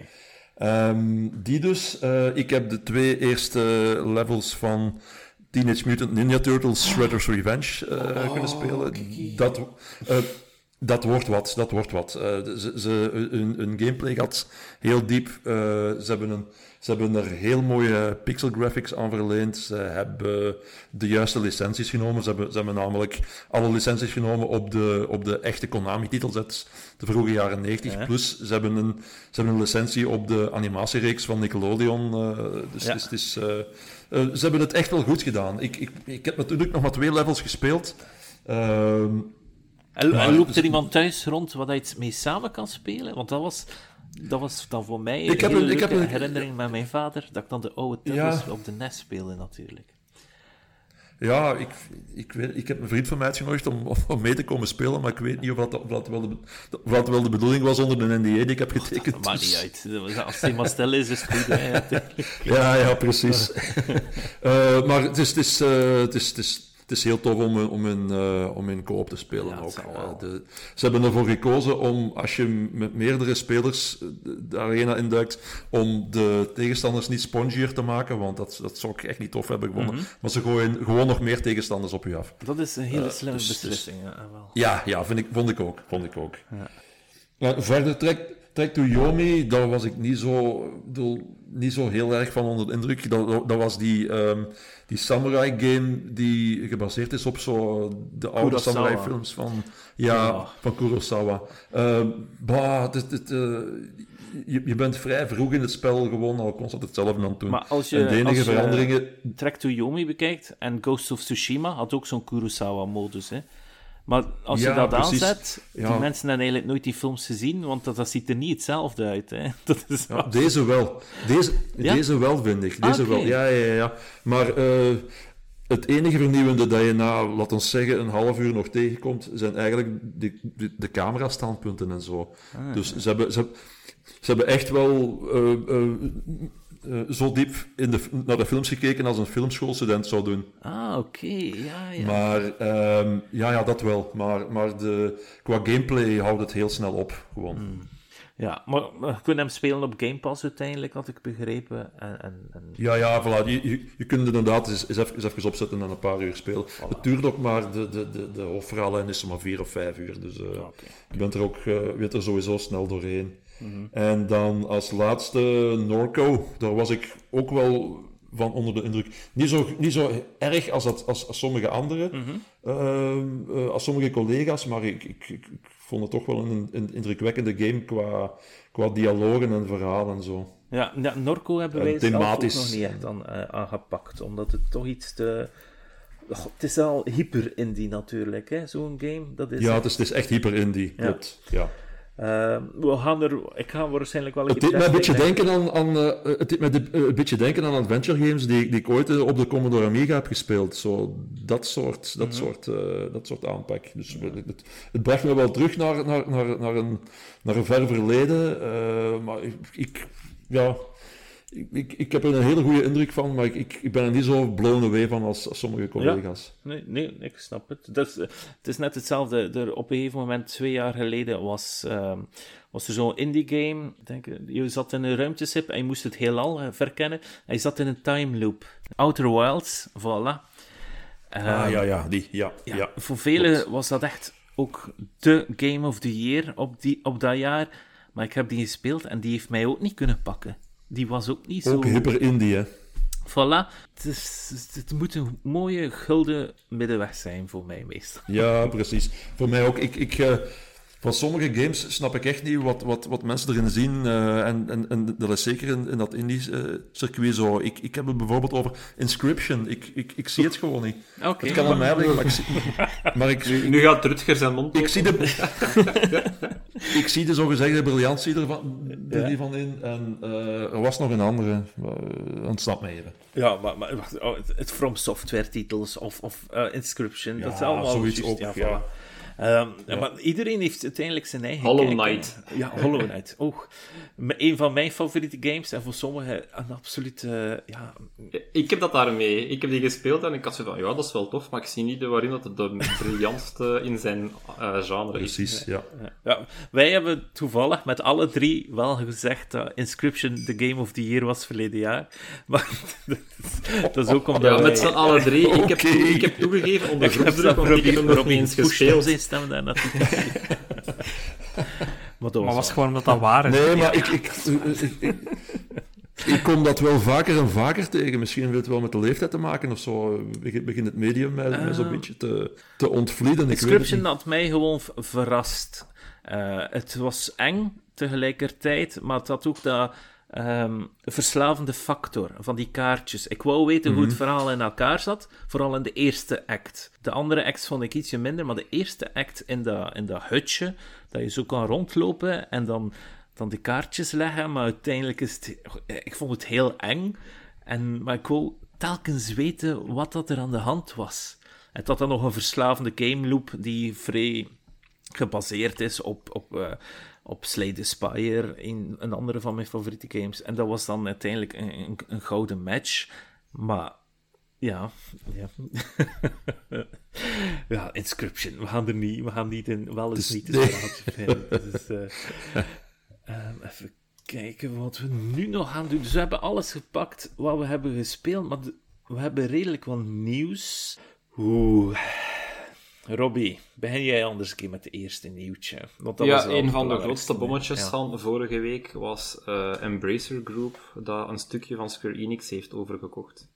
Met name eh, Crystal Dynamics, Eidos Montreal en Square Enix Montreal. Eh, de IP's dat daar mee in een deal zaten, zijn eigenlijk die waarde al meerdere keren waard. Ze hebben 300 miljoen euro ervoor betaald. Dat is niks. Eh, maar dat is niks. Nee, want ja, Tomb Raider zit daarin, Deus Ex zit daarin. Eh, we weten ook dat er een nieuwe Legacy of een remaster of zoiets van Legacy of Kane aan de ha- aan, in de maak is en zo. Eh ja. Gex zit daarin. en vergeet Miljoenen, niet Tomb Raider. Ja. Toen Tomb Raider, de remake, werd exclusief gemaakt voor Xbox voor een jaar, heeft Xbox of Microsoft daar 100 miljoen euro voor gegeven. Hè? Of 100 miljoen Puur dollar voor de voor exclusiviteit alleen, hè. Ja. Puur voor exclusiviteit. En voor het driedubbele is het gewoon verkocht geweest. eh, Met nog veel meer erbij aan de Embracer Groep. Eh, waarschijnlijk zit er achter de schermen ook nog altijd bij dat er in die groep zit nog altijd headcount en moet die devs allemaal betalen en een maandloon uitbetalen. Dus eigenlijk zou dat waarschijnlijk een stuk zijn dat ze liever kwijt als ze rijk waren. En dat geld hebben ze er maar bijgenomen. Mhm. Ja. Ik heb ook horen vallen dat het was om te investeren in eh, de metaverse en dergelijke. Ja. En, en NFT-toestanden, maar ik hoop dat dat stuk van het verhaal niet waar blijkt te zijn, of toch overblown. Ja, nou wel. Want Ik heb vooral de indruk dat Square Enix zich eh, interessant aan het maken is voor een, voor een eh, toekomstige verkoop van, Ja. aan een grotere partij, net zoals Ubisoft bijvoorbeeld. Eh, Sinds eh, die, die overname van, van Activision door, door Microsoft, of die geplande overname, eh, is, heb, ik zo, heb ik zo het gevoel dat ja, all bets are off. Ja. Eh, alle, Ja, maar alle- bij, bij Ubisoft is het juist... Dat was even dat dat door de, de contraien waaide, eigenlijk. Maar nu het laatste dat ik gehoord heb, is dat de broers Guillemot terug... Allee, Dat dat, dat familie Guillemot terug geld... Ja. dat ze terug meer aandelen willen kopen van hun eigen bedrijf, zodat ze zelf beslissingen kunnen maken daarover. Ja, dat is, ja, ja oké. dat, maar dat is altijd zal- een, zal wel eens niet ding geweest verhaal. zijn, Hè? ja, Dus, ja. Nintendo heeft op Ja. een gegeven moment ook hun eigen aandelen willen beginnen te kopen, zodat ze meer ehm, eh, vat hadden op hun eigen bedrijf. Hè? Dat ze minder invloed hadden van externe investeerders. Het is, het is maar hoe dat je staat op dat moment, hè? Gewoon hoeveel cash dat je hebt in de bank liggen. Ehm, maar ik vind, vind het wel bizar dat het uiteindelijk naar Embracer is gegaan en niet naar een van de andere, grotere eh, opkopers, zeg maar een Sony. Ik denk... Ja, maar waarschijnlijk had wel naar Microsoft wel interesse, maar die zitten nog altijd in die Activision Blizzard deal dat eerst moet rond zijn. Mhm. Dus die waren Ja, een en- beetje en- eh, outlocked. En de Microsoft wordt nu ook eh, in de gaten gehouden door eh, concurrentiemogendheden. Hè? Ik bedoel, Ja. Net, net Ja. omdat ze zo'n zo'n enorme overname hebben gedaan. En Embracer is, was eigenlijk al het, het, grootste Europese gamebedrijf, veel groter dan, dan Ubisoft. Mhm. en, en ja, die zijn natuurlijk... iedereen iedereen is, of, is, is ofwel, heb ik de indruk, zichzelf interessant aan het maken voor, voor een verkoop, ofwel is zichzelf aan het opschalen, zoals Embracer, maar ook Take-Two Interactive, hè, met de overname van Zynga en zo. Maar dat lijkt me uiteindelijk niet goed voor de industrie. Ik bedoel, Nee, nee, nee. Het, we, gaan, we, gaan, we gaan sowieso nog, nog, een, nog, een, nog een strengere schaalvergroting krijgen. ja. Eh, daar gaan we helaas naartoe. Ehm, ja, en over Square Enix gesproken. Dus inderdaad, ze willen investeren in de, bloks, in de blockchain. Ja, kost het zelf niet uitspreken. Het is zodanig jammer. In de... In de Ja. Ehm, maar ja, oké, misschien kunnen ze daar wel iets vinden, maar ik vrees ervoor, want eh, de hele beurs is gecrashed van de NFT's. Ehm, maar wat er ook nog uitgekomen is, eh, en- een weekje terug, Yuji Naka. Yuji Naka, die is, eh, dat is de kerel die Balan Wonderland heeft, Wonderworld heeft gemaakt, maar vroeger ook Sonic en Knights en zo verder. Zo een, een, een, een, een Japanner die zo eh, een wat naam heeft. En ehm, die heeft gezegd dat hij van het project werd gezet door Square Enix zes maanden voordat Balan Wonderworld uitkomt. Robbie, jij had hem gespeeld, jij vond hem niet goed. Of Nee, ja, wow, wow. Ik had dat demo gespeeld en ik begreep niet waarom iedereen hem zo verschrikkelijk Ah, slecht vond. Oké, maar Eh, uiteindelijk hij hij was- zelf ik vond hem zelf slecht. niet goed, maar Ja? ik had zoiets van... Ja, je zegt gewoon de doelgroep niet. Dat is duidelijk een game gemaakt voor jonge kinderen. En Ja. dan was er nog een ganse hoop 30-plussers over bezig van het is te simpel. Ja, als ik Peppa Pig speel, ga ik ook niet zeggen dat er niet genoeg diepgang in het verhaal zit. Eh, ja, klopt. Maar toch, hij zelf was er ook niet van onder de indruk. Hij heeft zelf intern een rechtszaak aangespannen. Ehm, het is allemaal niet goed gegaan.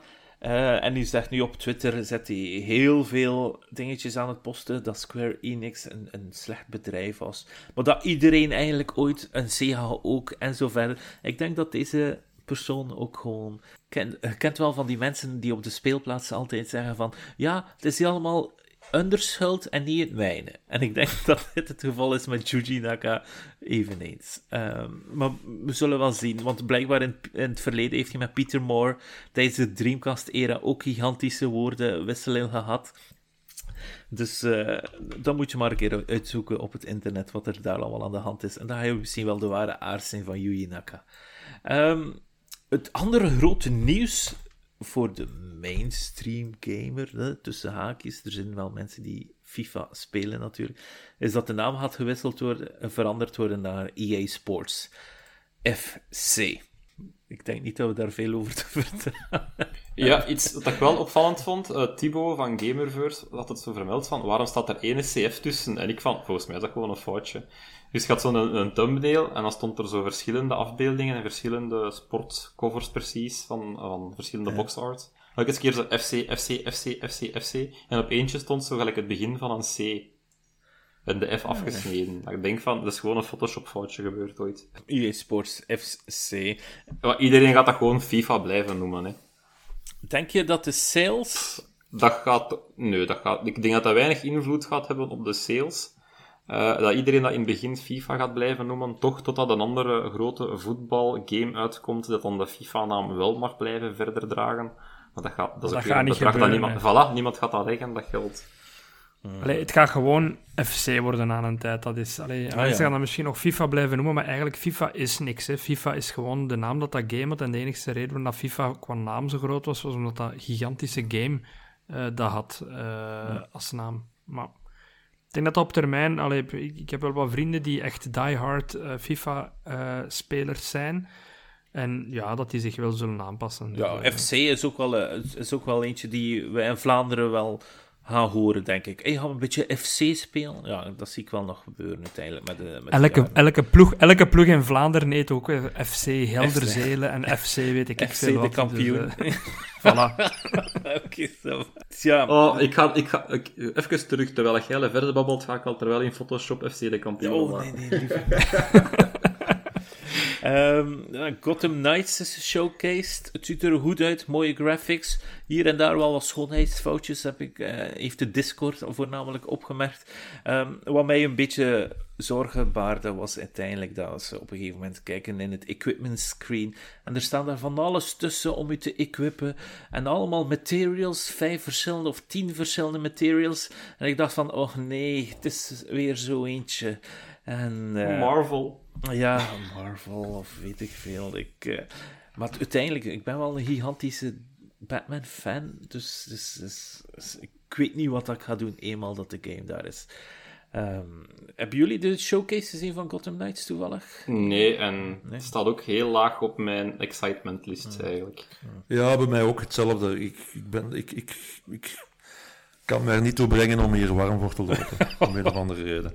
Maar voor de anderen dan wel? Nee. Van, van uh, Rocksteady?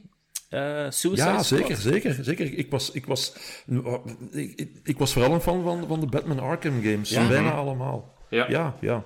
Ah, absoluut. Uh, maar deze, deze, ik zie het niet. Ik zie het echt niet. Mm -hmm. Maar dat waren ook gewoon 3D Metroidvania games. En die vibe heb ik ja. hier niet. Ja. Ik vind deze gewoon een game zonder, zonder, zonder persoonlijkheid. Er hoeft voor mij geen Batman in te zitten, hè, maar de personages die ze erin gooien, ik, ik, uh, ik zie het niet. Ik ben, ben, ben op mijn hoede voor deze Uiteindelijk, game. wat hij net zei, ik denk voor mij wel dat Batman er eigenlijk wel in moet zijn. Ja, het was de bedoeling om een Batman-game zonder de Batman te maken. Hè? Dus, dus, ja. Maar, maar ja, ik, ik... Nee, want het zijn de. Ik ben zeer benieuwd, ik ben zeer benieuwd als alles wat kan zeggen. Ja, ja, de enemies van Batman. Maar ja, de, de enemies maken. Batman maakt enemies goed, omdat de enemies ook zo goed inspelen op Batman. De, de, de Joker, die zo'n beetje de tegenpool is van Batman. Ja, Joker met, met, met uh, een deadshot of weet ik veel dat, dat, dat heeft niet zoveel dynamiek. Ook al hebben ze een goed verleden natuurlijk. Maar, maar, of een Nightwing. Ja, ik weet het niet. Tenzij dat hij hem doodslaat of zo. Ja, dan, dan gaat het weer goed passen. Maar het is Batman die uiteindelijk de, de, de mysteries moet oplossen en zo. En ik denk niet van de jongere generatie dat dat lukt van hun. Maar ja, Batman. Ah, de Batman-film was oké. Okay. um, het, we zijn trouwens in het jaar dat uh, financiële rapporten worden gemaakt. Capcom heeft erin gemaakt, heeft gezegd dat ze voor volgend jaar voor hun nieuwe IP's, dat ze sowieso uh, met hun nieuwe IP's 10 miljoen dollar winst extra willen maken dan vorig jaar. Dat was vorig jaar 20 miljoen. Dus ik denk dat voor Capcom vol, volgend jaar dat we wel iets speciaals mogen uh, verwachten. Ubisoft, juist hetzelfde. Financieel rapport. Wat is er gebleken? Hè? Op de, we waren al even aan het discussiëren op de Discord. Mario en Rabbids. Gaat dat nu dit jaar nog komen of volgend jaar?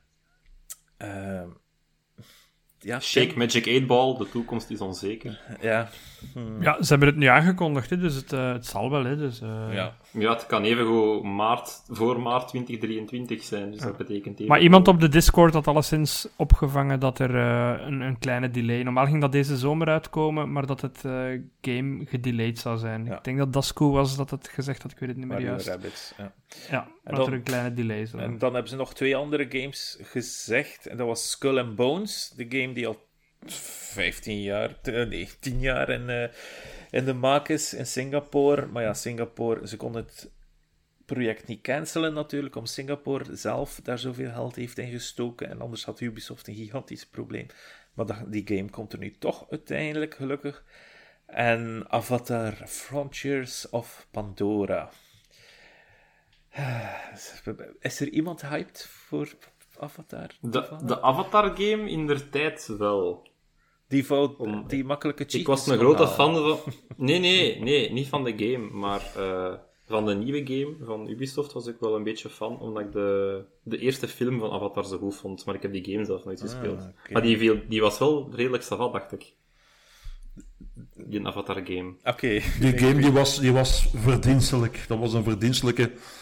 Een verdienstelijke third-person shooter. Uh, ja. Ja.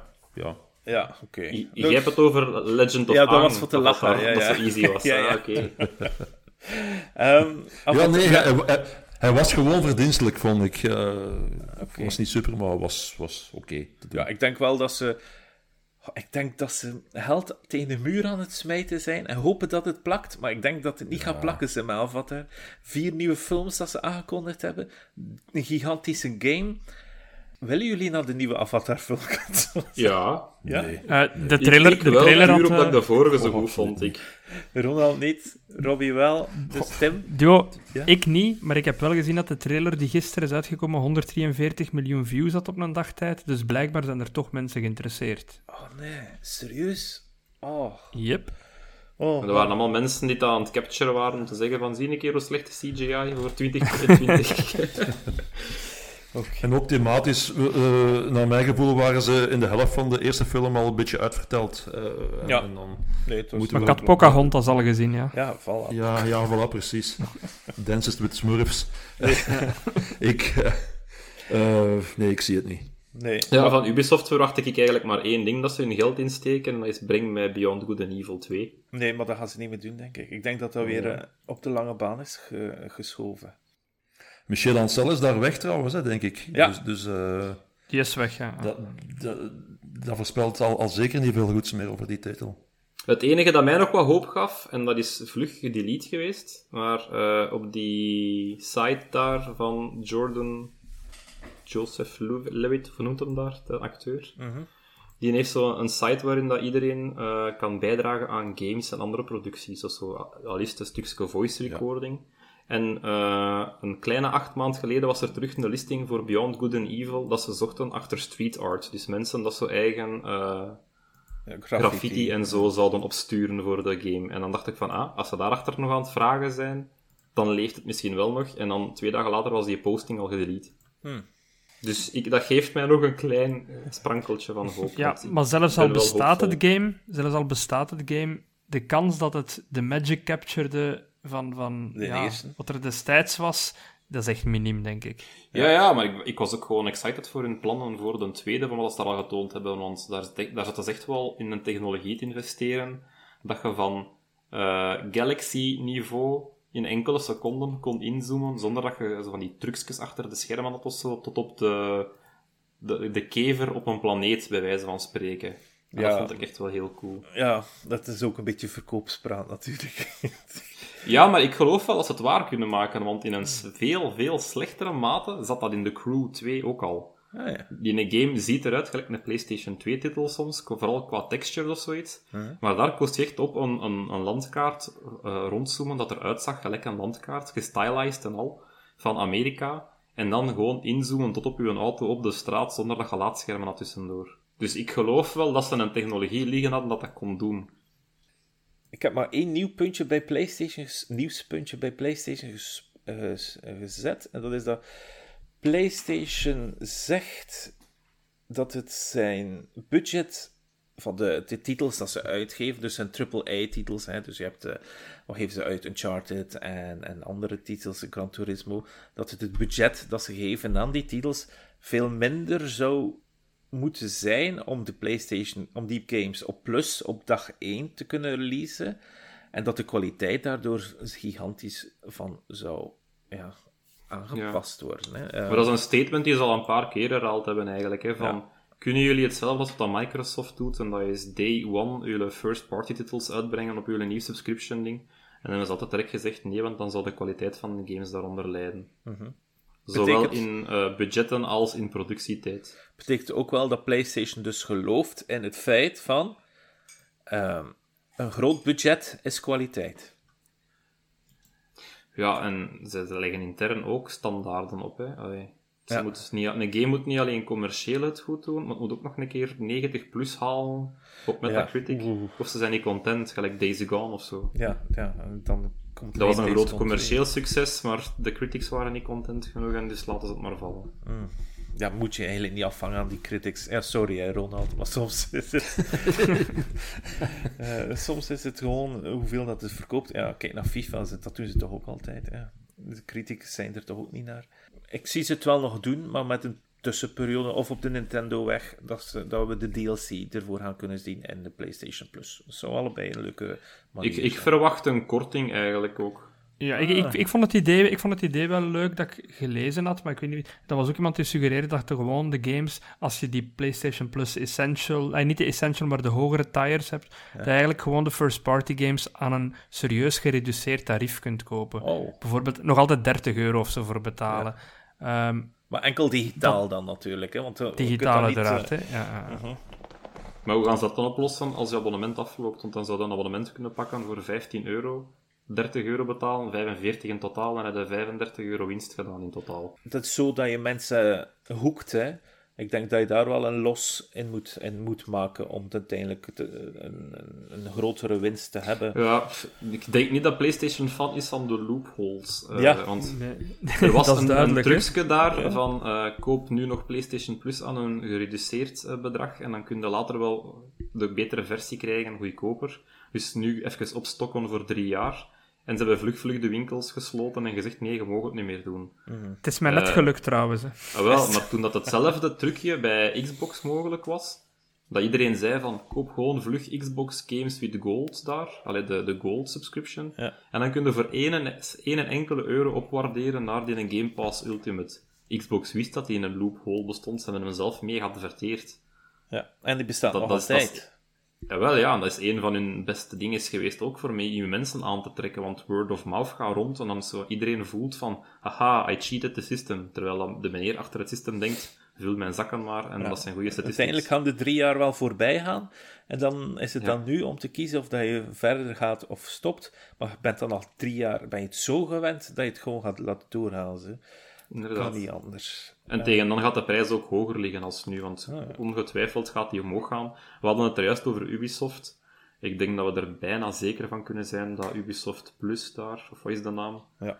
eh, dat dat er gaat inzitten in Game Pass, maar dat ze dat gaan aankomen. Nee, het zal niet waar zijn. Ik ging zeggen tijdens een Xbox Plus Bethesda show, maar dat heeft niet veel met Ubisoft te maken. Maar dat ze toch nog aan het wachten zijn op een belangrijke beat om dat nieuws aan te kondigen. Ja. Maar over Xbox gesproken, heb je er ook nog wat nieuwtjes gezet. Hè? Ja, ik ga er wel vlug doorgaan.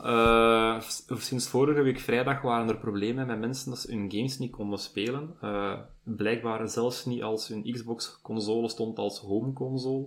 En de games waren geïnstalleerd, je kon ze gewoon niet spelen. En het was van, you do not own this game-achtige messages. Eh, ondertussen zijn die opgelost, maar het heeft toch weer de conversatie doen oplaaien van... Ja, dat always online gedoe van Xbox is toch niets waar we fan van zijn. En ik moet zeggen, ik heb, ik heb het er laatst ook voor gehad. Ik had geen internet. En dat was juist op een dag dat ik verlof had genomen. En dan is dat super neigbaal als je je Xbox opzet en dat zegt van, nee, je mocht deze game niet spelen. En ik was vergeten van mijn thuisconsole, maar dat was toen niet met die outages op serverniveau. Maar ik was hem vergeten op eh, thuisnetwerk te zetten eerst. Dus Ja. als, als mijn home console. En om dat te doen heb je internet nodig. Dus dan heb ik maar gewoon naar de Switch geswitcht die een dag. Maar toch, ik, ik snap wel de, de frustratie van mensen van, ja, je geeft je geld aan iets, dan wil je dat kunnen spelen zonder dat er iemand online zegt van, nee, nee, we willen eerst zien dat je daar echt wel recht toe hebt. En dat is zelfs met discs het geval. Hè. Als je er een disc zou insteken, met het probleem dat vanaf vorige week vrijdag er was, dan werkt het ook niet, want dat ging nog altijd online checken. Die een disc gaf u eigenlijk rechten tot online ownership. Maar het is bij alle beide kanten. Hè? Het is niet enkel bij Xbox, maar het is ook bij PlayStation zo het geval. Hè? Ehm, heb ik begrepen. Dus ik denk dat, dat mensen die fysiek verzamelen, en alle rechten, het is heerlijk om die, die library te zien in je kast, dat je ook wel even moet nadenken van, je hebt de game niet meer. Hè? Ook al koop je het fysiek, als de servers ook offline zijn, dan ga je het niet meer kunnen spelen. Ja, jawel, het, het gaat nog, maar je moet de game fysiek hebben. Eh, en je moet je thuisconsole op offline, allee, op offline zetten specifiek ook nog. Oh. Dus niet alleen, het is mijn thuisconsole, maar je moet dan ook nog een keer zetten op ga offline en hem dan erop starten en dan kost het wel spelen.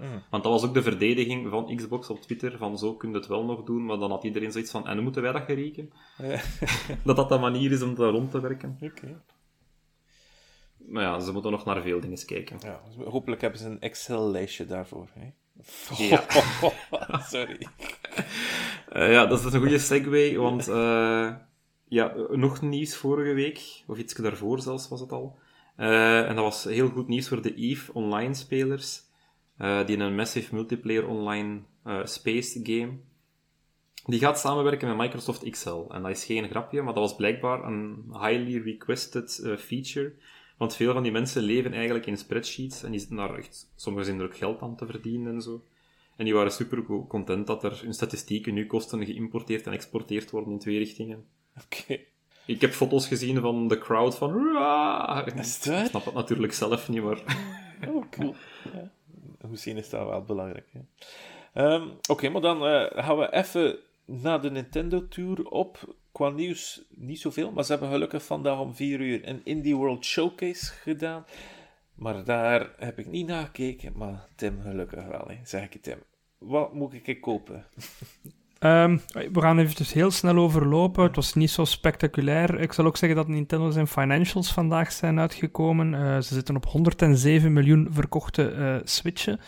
Ehm, dat wil zeggen dat het eigenlijk ja, dit in de loop van het jaar, want ze verwachten ook nog 21 miljoen Switchen te verkopen, dat ze in de loop van het jaar eh, ja, meer dan PlayStation 4 gaan verkocht hebben. Eh, en dus eigenlijk, ja, laattijdig, maar toch de generatie zullen eh, gewonnen Ah hebben ja, zoals dat heet in sales.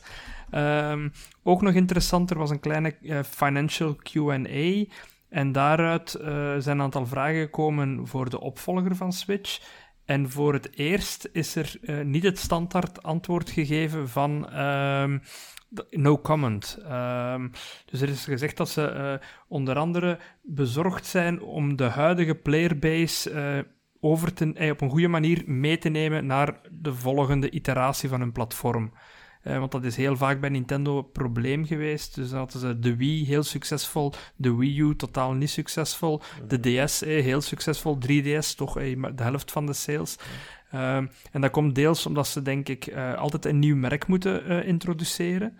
Ehm, dus ze moeten telkens dat nieuw merk enerzijds verkopen en ten tweede dat de games en het platform nooit compatibel was met elkaar. Dus ik vermoed dat ze dat gaan oplossen door ja, Switch compleet 100% backwards compatible te maken. Ehm, ja, dat is op zich ook niet onlogisch. Eh, en dat daar ook veel cross-gen titels zullen zijn. Die er gewoon beter, mooier en, en met hogere frames per second op het eh, nieuw platform zullen draaien. Maar dat gezegd zijnde, dus de Indie World Showcase die er eh, deze namiddag was, ehm, had vooral wat kleinere games, zou ik zeggen. Niet echt de, de dingen die mensen verwachten eh, of op zitten te wachten. Eh, Silk Song is er één van. eh, en The Sports Story is denk ik een ander game eh, waar heel veel mensen op zitten te wachten eh, als indie game. Maar eh, ze, ze zijn begonnen met Ooblets. Een heel raar Mhm. eh, farming game met echt een heel bizarre grafische stijl, vond ik zelf. Eh, Ik ben wel fan. Ik heb Ja. die, die, die kon je al spelen op andere consoles, hè, trouwens. Ja, maar dat was tot hiertoe in Early Access altijd. Ah ja, oké. Dat is zo Pokémon farming-achtige dingen. Ja. die kunnen dan dansen tegen elkaar. Een beetje Pikmin-achtig ook. Dan Batora Lost Haven. ehm, een beetje een hack-and-slash sci-fi eh, game. Ehm goh, zag er vrij standaard uit, vond ik zelf. Mhm. Ehm Elkhead, dat, vond, dat had wel iets. Eh, het is een, een pixel-platformer dat zowat, ja... Zoals het nog een, wel tegenwoordig vele indie games zijn, maar dat kan wel eens een, een, een, een heel goed game zijn, dat heb ik zelf de indruk. Ehm, Soundfall, waarvan ik eh, op YouTube gezien heb dat eh Robbie zeer Ja. eh, enthousiast was. Ja, We waren op dezelfde game- stream aan het kijken, dus we zagen Gameplay-gewijs doet dat een beetje denken aan Hades. Dus je moet niet hetzelfde aan, aan storytelling verwachten daar. Maar gameplay-gewijs doet wat een beetje denken aan in een top-down isometric perspective als Hades. Het is een roguelike dungeon crawler. Eh, maar met als extra ding hier dat je alles moet doen op het ritme van de muziek. Ja. Dus ook nog een beetje, hoe noem het daar, de... Ik kan er even niet op komen. De, de Zelda, er was een Zelda-game meegemaakt ook. Ah, Ja, ja, eh, ja, ja. Cadence of Hero. Ja. Het is niet zo op dat zo, dus je kunt, vrij, je kunt vrij rondlopen, maar het combineert een beetje dat in dat je op het juiste ritme van de muziek je aanvallen moet uitvoeren. Gelijk dat je bijvoorbeeld een first-person shooter daar had in de dingen ook, met bullets per minute, hebben ze het nu met een hack-and-slash top-down gedaan. Oké, En dat is totaal my jam. Soundfall. Ja, dan iets wat wel Oh, nog God. een roguelike, maar die wel wat mijn eh, jam was. dus een deckbuilder, Wild Frost. ja. Ehm, zag er grafisch heel tof uit. Ehm, ja, gameplay valt af te wachten natuurlijk. Eh, ja, want volgens mij is dat iets gloednieuw, want ik heb het nadien direct beginnen opzoeken en ik vond niet het iets Ik vond het ook erover. niet. Ik heb het ook opgezocht en ik vond het ook niet, niks over terug. Ehm, maar het zag er wel heel Nintendo-ish uit, Mhm. vond ik zelf. Heel cute. eh, ja, het zag er een, een leuke deckbuilder uit. Eh, als dat goed blijkt te zijn, zal ik die mogelijk wel spelen. What Frost. Dan, dan eh, Tabs, of eh, Totally Accurate Battle Simulator, wat iets heel weird is, waarbij je ja, wat physics-based eh, soldaten op elkaar kunt smijten van de verschillende tegenstanders. Ehm, ik weet niet hoe ik het best, of ik het met veel dingen kan vergelijken. Robbie, ik weet niet of jij het ergens Ja, mee kan vergelijken. Mas- massale gangbeasts, eigenlijk. Je, je smijt gewoon wat wobbly figuren in een hoop en dan kunnen ze kiezen van wilt je 100 weak mannetjes of wil je er 50 met schild en speer hebben of wil je een paar boogschieters hebben of zo.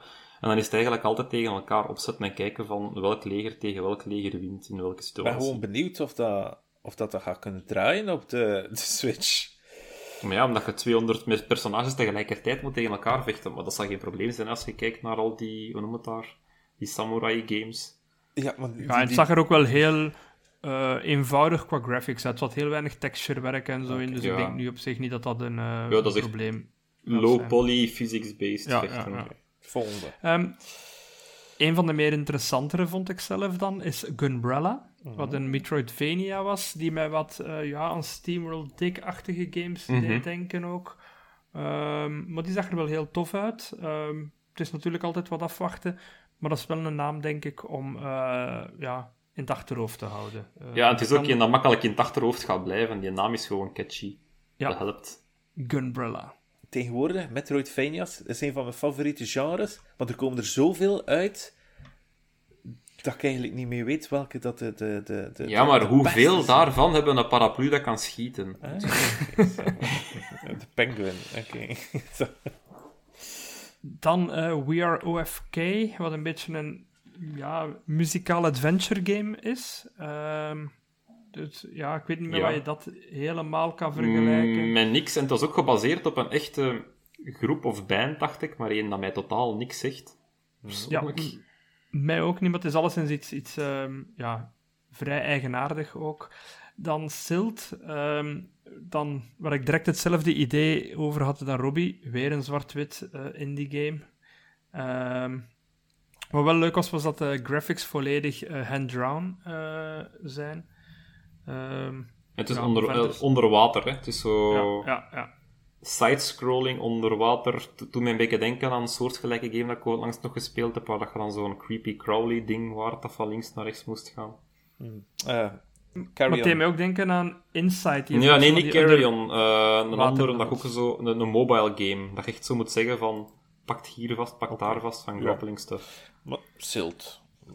Ja. Wat er mij wel leuk uitzag, was het eh, Mini Motorways. Wat een beetje een game is waarbij je eh, verkeersproblemen had in een stad met heel eenvoudige, maar wel heel, ja, ik vond ze wel aantrekkelijke graphics. En je dan eigenlijk nieuwe wegen moest leggen om zo de eh, flow van het verkeer te optimaliseren. Oh. Heel leuke insteek, denk ik, voor een game. Toch wel origineel. Ehm, en als dat puzzelaspect goed werkt, kan dat wel, allee, kan dat wel iets zijn dat, eh, dat aanslaat. Eh, Het- volgens mij is het van dezelfde maker als Mini Metro. Maar ik ben niet 100% zeker. Het zou kunnen. En ik denk dat die vandaag uit was. Ehm, Ja. Ik ben niet zeker, maar ik dacht dat die vandaag uitkwam. Ja, ik ga eens kijken, maar ik dacht dat wel. Ik had ergens een eh, screenshot staan van alle releases. Ja, dan Wayward Strand was een, eh, ja, een adventure game. Oké, ja. ja, een adventure game dat zich eh, afspeelt in, in een ziekenhuis. Ehm, niet 100% wat ik graag speel, maar allee, als mensen die dat graag Ja, spelen, Mini Motorways is vandaag uit. Ah, voilà, voilà. En wat ik dan wel heel leuk vond qua stijl, is het volgende, namelijk Cult of the Lamb. ja. Ehm, het heeft zo van een, een... Het deed mij direct denken aan de Woodland Critters van eh, South Park. Ja. Dus het zag er zo heel cute uit, maar dan satanistisch en ja. evil. En ja, dus ehm, met hack and slash Ja, dungeons zo'n beetje en zo eh, meer. Animal Crossing, maar... Ja, ja, ja. Inderdaad, Animal Crossing, maar dan slecht. Ja. Happy Tree Friends dus. Ja, Happy Tree Friends ook. Dus eh, ja, het kan wel iets zijn, Ja. denk ik. Het Het komt een- ook op een Game leuke- Pass, dat weet ik, die Cult of the Ja, Lamb, dus. Een leuke twist op, eh, op, op het genre. Dan Another eh Crab's Treasure. Wat ze zelf zeiden dat het een soort van soul-like, ze zeiden dan zelf shell-like, is eh, met schelpdieren. Mhm. Ehm, ja, Was je Zelf- verkocht? Nee. Oké. Ik vond het wel een grappig filmpje met de developers Voilà, erbij. grappig. Ja, Ja, voilà. ja. Because they, eh, they have built-in weapons and they're already strafing. Oh, Vond ik oh, de max. Ja. Krabben. Oké. En dan eh Gibbing Beyond the Trees, een eh sidescroller. Eh, Ja, dat was eigenlijk zo'n een, een loop van... Hier zijn een paar games. Dus het was moeilijk om te zien, vond ik, de die. Ja, daar hebben ze eigenlijk op, op nog een, een, ja, kort trailerke met op een minuut tijd nog een, een hele hoop games die waarschijnlijk al op andere platformen uit zijn en daarom niet evenveel aandacht eh, kregen. Dus ja, zoals dat je ziet, waren wel veel... Ja, interessant daartussen nog trouwens, bij die loop. Eh Card Shark zat er ook tussen. En er was ook een demo vandaag uitgekomen. En die ziet er ook nog tof uit. Dat is me zelfs niet opgevallen. Dus, eh, Dat is de dienen dat je eh, poker aan het spelen bent, maar dan zo story-based. Ah, ja, ja, inderdaad. Ja, dus wel, allee, er waren wel redelijk wat nieuwe aankondigingen op zich, maar ehm, geen echt grote namen. Nee. En Maar ja, een, een Silk Song moet je ook niet verwachten in een Nintendo Nee, nee, nee, dat is, Die gaat gewoon tijdens een echte Nintendo Direct komen op dit punt. Ik verwacht het ook dat dat een game is dat groot genoeg is voor een direct. Maar bijvoorbeeld Sports Stories is toch wel een game waar mensen op eh, zitten te wachten. Hè. Dus eh, dat had ik misschien wel nog verwacht. Dat was het. Yes, dat was het. Robbie, het is nu aan u. Het, het heel veel nieuws hier tussen gezet. Hè, tussen die. Ja, maar ook, ik ga er rap Oké, doorgaan. zo, wat. doe maar. Dan. Moet ik het muziekje spelen? Best zeker. Sure. Alright. Voor in de mood te komen. ja.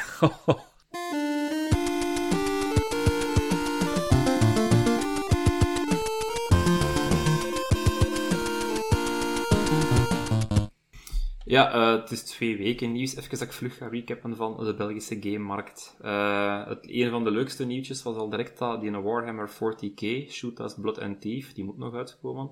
En de al reeds uitgekomen Hidden Through Time, beide van Rogueside, dat die fysieke releases gaan krijgen. Eh, zowel op PlayStation 4, eh, in het geval van Hidden Through Time, als PlayStation 5, ook voor Warhammer game. En ook beide op Nintendo Switch, dankzij die in-in games. Dus zo'n soort van fysieke limited print. Ah, ik denk dat het limited is, kan zijn van niet. Eh, Thomas Sambouwel, die kennen we van Cubism. Die was aan het werken aan een level editor en die is nu actief aan het zoeken achter mensen om dat te mee helpen playtesten. Dus Ja. die link gaan we ook zeker eens droppen op de website. Eh, vorige week had ik ook al gezegd dat er een hidden code was dat je zo eh, met wooden blokstructuur er kost inzetten in de game. Dus ik vind het wel leuk dat de game blijft leven. Ja. Eh, het is ook zo'n timeless game. Hè. Dat, dat, gaat, dat, dat gaat nu even interessant zijn om te spelen als binnen 10 of binnen 20 jaar zoiets. Zo puzzelen met blokjes. Ja. Eh, er zijn ook weer wat, heel wat Belgische studio's aan het zoeken voor nieuwe hires. Bij Triangle Factory, Happy Volcano, Oisoy Studio, die zochten allemaal nieuw talent. Ik ga ze niet allemaal eh, in detail gaan zeggen wat ze juist zoeken. Wat mij wel opgevallen was, was dat er ook eh, bij de scholen gezocht werd. Dus dat er bij DAE waren ze iemand aan het zoeken met coding experience, echt zo de, de game programmeertalen kon als lesgeven. Eh, bij Luca zochten ze een, een deeltijdse docent voor de game engines eh, als specialisatie voor uit te leggen en zo. Dus ik blijf er weer wel een goede trend in zitten dat de Belgische markt aan het groeien is en aan het uitspa- expanden is. Ja. Ehm, Rise of Humanity, dat is de, de strategy game van Cybernetic Walrus, zo'n beetje Terminator setting. Eh, die hebben ook juist laten weten dat het naar Tilt 5 komt. Dus ik had er zelf nog niet van gehoord. Maar dat is een, eh, een platform met augmented reality, dus een bril dat je opzet en dan ga je bovenop de echte wereld een augmented layer zien, eh, waarin dat je dan de robotten van het Rise of Humanity tegen elkaar kunt doen vechten. Gaat het een nieuwe Dus dat vond ik wel cool. Mm. Ja, we hebben een uitnodiging gekregen trouwens voor het te gaan testen in het kantoor. Dus als we een keer allemaal naar Antwerpen kunnen gaan, kunnen we het daar gaan uitproberen. Ik ben eigenlijk wel ook benieuwd, zowel naar hoe de game gevorderd is, als naar die hardware. waar het Eigenlijk wil ik gewoon dat die naar uit gaan kijken. Uh, We zijn daar dus welkom, hè, dus we moeten Ja. maar een keer een datum afspreken met Mike en dan mogen we daar eens gaan testen. Eh, dat was er ook gedropt geweest in de Belgian Games Select vandaag, dat er nog een paar Belgische releases waren. En er waren er stuk voor stuk dingen die mij volledig eh, ontgaan waren. Maar dat is ook omdat het een paar kleine releases zijn. Oh. Eh, Ja, de, de- Wat, hè? de eerste, zeg maar. Ja, dat, dat is, eigenlijk zijn die gemaakt geweest in een soort van game jam environment. Ja. Dus eh, dat is zo een, een vooral Waalse eh, Discord groep waarin dat ze elkaar aan het motiveren zijn om meer en snellere games te maken, om daaruit te leren samen. Eh, en dan moesten ze zo een keer om de twee maand, vier maand, zes maand een nieuwe game op Steam releasen en Ja. niet gewoon de game maken, gelijk in de Game Jam, maar effectief ook releasen, zodat ze de hele ervaring hebben. En de eerste game is Frit Medium. ja. Ja, eh, het is een narrative game. Het ziet er een beetje uit gelijk een mobile slash een flash game van vroeger en zo. En eh, het speelt zich af in de setting van een frietcoat-eigenaar te zijn. Oh, de max. Oh, dan wil ik spelen. What do you want? I want a frikandel. Sorry, we only have curryworst. Oh, oh. Zo. Oké. Ah, wel, je kunt hem nu spelen. Hij is al... eh, alle drie de games dat ik nu vermeld zijn al juist eh, te kopen. Oké. Op Steam allemaal. Is- Eh, Armored Firestorm is een top-down futuristische shooter. En dan Chestmate was een tower defense game met een piratenthema. Waarin dat je ook zo wat, niet alleen tower defense, maar ook zo dat typische kanonnengame van vroeger, dat je zo je hoogte en angle van je volgende schot zou moeten bepalen voor de ander neer te schieten. Zo een beetje gelijk in de Worms games ook. Eh, en dan een game dat al in 2019 al over gesproken werd, maar ik heb het vandaag pas gezien als ik het aan het googelen was, is Super Space Serpent. En dat is zo mijn een 80s vector-stijl, eh, twin-stick action, eh, met veel over de top effecten en particles en zoiets, maar dan zo, ja, simplified. Ja. En dat is een developer dat wel actief is in dat genre, want ik heb gezien dat hij ook een, een Switch-game uit heeft, maar dan met een andere naam, maar eigenlijk bijna exact hetzelfde Oké. visueel gezien. En dat kwam ook... In 2019 was het aangekondigd voor de Xbox, maar het is nog altijd niet uit voor Xbox. Maar op Steam nu dus wel. Oké. Dat zijn zo vier games die onder mijn radar gevlogen waren. Waarschijnlijk omdat ik iets minder in touch ben met de Waalse kant van ons landje als met de Vlaamse kant. Eh, en, en de Brusselse games ken ik ook redelijk goed. Maar de- die waren me dus onbekend. Maar nu hebben we ze aangehaald. Dat En nu hebben we ze een keer aangehaald en kunnen we ze in de gaten houden. Hè. Eh, voor de volledige Belgische gamesindustrie in kaart te brengen, is er ook een nieuwe oproep eh, van de Belgische gamesindustrie. Een survey dat iedereen moet invullen eigenlijk. Wat dat je ook doet. Zij de zelfstandig, zijt je een, een, be- een bedrijf dat actief is in de Belgische gamesindustrie.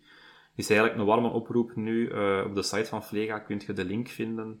En daar kun je eigenlijk al je data gaan ingeven van hoeveel werknemers stelt uw bedrijf, wat zijn de verwachte groeimogelijkheden, eh, hoeveel geld hebben verdiend, hoeveel geld gaat er verdienen en dergelijke. Dat zijn dingen die belangrijk zijn eh, om te weten waar we naartoe gaan als gehele industrie. En dat wordt ook altijd politiek natuurlijk gebruikt om te kunnen vertellen van kijk mannetjes, het is, het is een groeiende industrie, dat creëert meer en meer jobs. Eh investeert er maar in. En dat is ook altijd mee element om die tech shelter terrein door te krijgen. Oké. Eh, en als laatste, ook Force WC heeft dus een nieuwe pitch round. Eh, die loopt tot 25 mei. Dan kunnen games hun studio, of allee, studio's kunnen hun game indienen, of hun studio, eh, om overwogen te worden om in te investeren. En dat zal doorgaan eh, op, als ik het uit mijn hoofd juist heb, op 9 juni de volgende pitchronde samen met Brotaru. Dus dat is weer een, een manier voor de Belgische studio's om wat extra financiële middelen te verwerven om een game af te maken. Want het talent is hier wel, maar er is, ja, het is, België is een gigantisch duur land.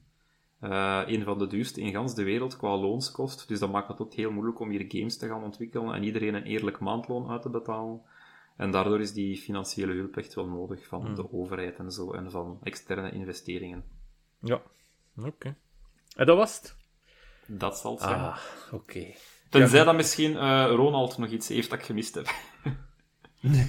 Nee, ja, ik... ik Die legt zijn de vinger ook nog wel een beetje op de eh. pols van de Belgische industrie, heb ik gemerkt. Dus. ja, ja, maar ik, ik, eh, ik, ik werk sinds kort als adviseur voor Force WC, dus ik moet, ik, ik moet, eh, ik hou zoveel mogelijk mijn mond over, over de Belgische game-industrie. Ik Ah, ja. schrijf ook niks meer over, over Belgische gamebedrijven sinds, sinds dat ik eh, voor hen onderemployed ben. Ja, oké. Dus dat is alleen Ik, ik, ja, voilà, om, om, om ja, eh, gewoon die, die twee werelden niet te veel in elkaar te doen overlopen. Qua, en ook, en ook qua, qua geloofwaardigheid natuurlijk. eh, Maar eh, Ja, aan beide ik- kanten van de medaille. ik was zo voor, voor de podcast, had ik zo niet, en, en Tim ook niet, denk ik. Dus het idee, ik wist wel dat de gaming-industrie bestond in België. Maar ik wist niet dat het zo, zo, zo groot was. Oh ja, ja, groot is een groot woord, maar dat het, dat het zo levendig was. Dat vooral. Nee, nou, ik er is een creatieve explosie bezig, hè. Ja, Vooral, eh, ze, ze zullen het allemaal wel moeilijk hebben om, om eh, zakelijk... Zullen ze dat wel, allemaal wel, wel moeilijk hebben, Ja. maar er is wel een... Inderdaad. sinds een jaar of twee geleden een, een creatieve explosie eh, aan de gang. Oké. Alright. Ik heb zelf alleszins dankzij Bitkroeg al heel veel heel leuke Belgische games eh, leren kennen.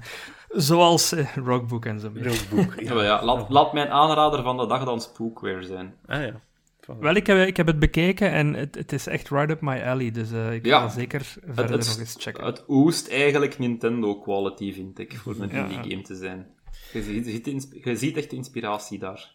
Ja, Ik zie hier dat we een luistervraag hebben, maar hebben we dat gesteld aan het publiek? Eh, huh, waarom niet? Nee, nee, die was niet van vorige keer, dat is, dat is voor deze keer eigenlijk. Ah, En dat komt terug op eh Ronald zijn een top 50, dat ik daar eigenlijk wou zeggen van, we hebben waarschijnlijk, als we dat lezen, zo'n boek, allemaal wel een, allee, waarom hebben we de Dine game niet vermeld? Ga ik dat ook al aangehaald hebben, eerlijk, eerder. ja. En dan wou ik eh, eventueel vragen aan, aan de lezers, want dan moeten ze natuurlijk een boek gelezen kunnen hebben, eh, van alle 50 titels van, huh, waarom zit deze er niet in?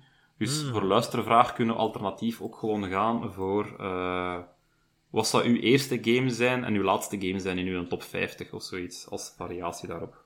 Ah ja, ah ja. Oké. Ja, Ja, gelijk, ja, ja. stel- pak dat je zelf een lijst zou moeten samenstellen van 50 games die je zeker zou moeten gespeeld hebben, zoals Ronald heeft gedaan. Wat zou je dan op de allereerste plaats zetten van die moet je gespeeld hebben?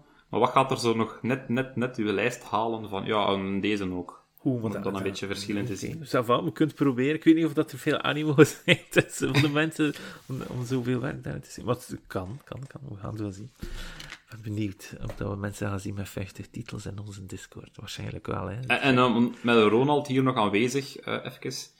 Eh, mijn he, waarom niet, als ik de lijst zo aan het doorlopen was. eh één ding dat me opgevallen was bijvoorbeeld, dat er weinig race games tussen zaten.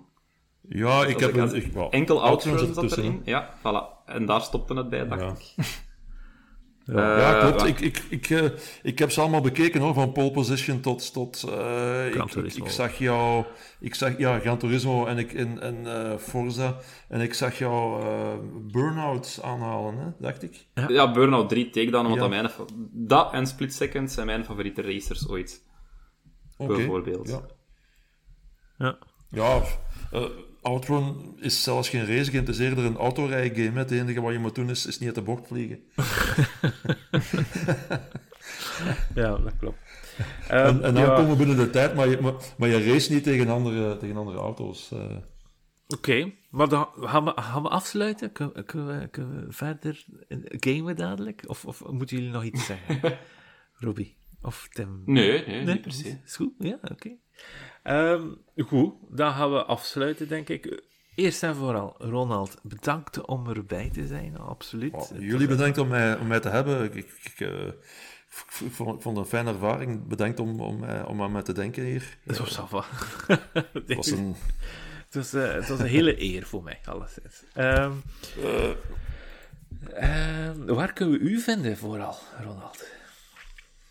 Ik heb een eigen website, ronaldmees.be, waar ik af en toe wel eens, wel eens een echo naar mijn eh, verhalen eh, post. Ja. Maar eh, je, je, je vindt me vooral op HLN en op, en op De Morgen en, en, op, en op Invader. hè. Ja. De, de media waar ik voor werk. En, en ook Twitter, neem ik aan. En, en... Ik, ja, ook, ook jawel, jawel. Ik, ik, eh, ik post wel eens iets op, op, op de socials, dat ook. Oké. Robbie, waar kunnen we u vinden? Mij vind je overal onder Bloody Good Reviews. Oké. En Tim? Eh, het iFonk of het iFonk DMD. Hoe? Mij kun je vinden op Adrutterknudde. Dit was Bitkroeg. En die kan je vinden op Facebook en Twitter op Bitkroeg. Bedankt om te luisteren. En tot de volgende week. Misschien komt er daar nog een classic tussen. Ik weet het niet of ik daar nog de tijd voor vind. Maar er komt sowieso nog een aan. Eh salutjes! Joe.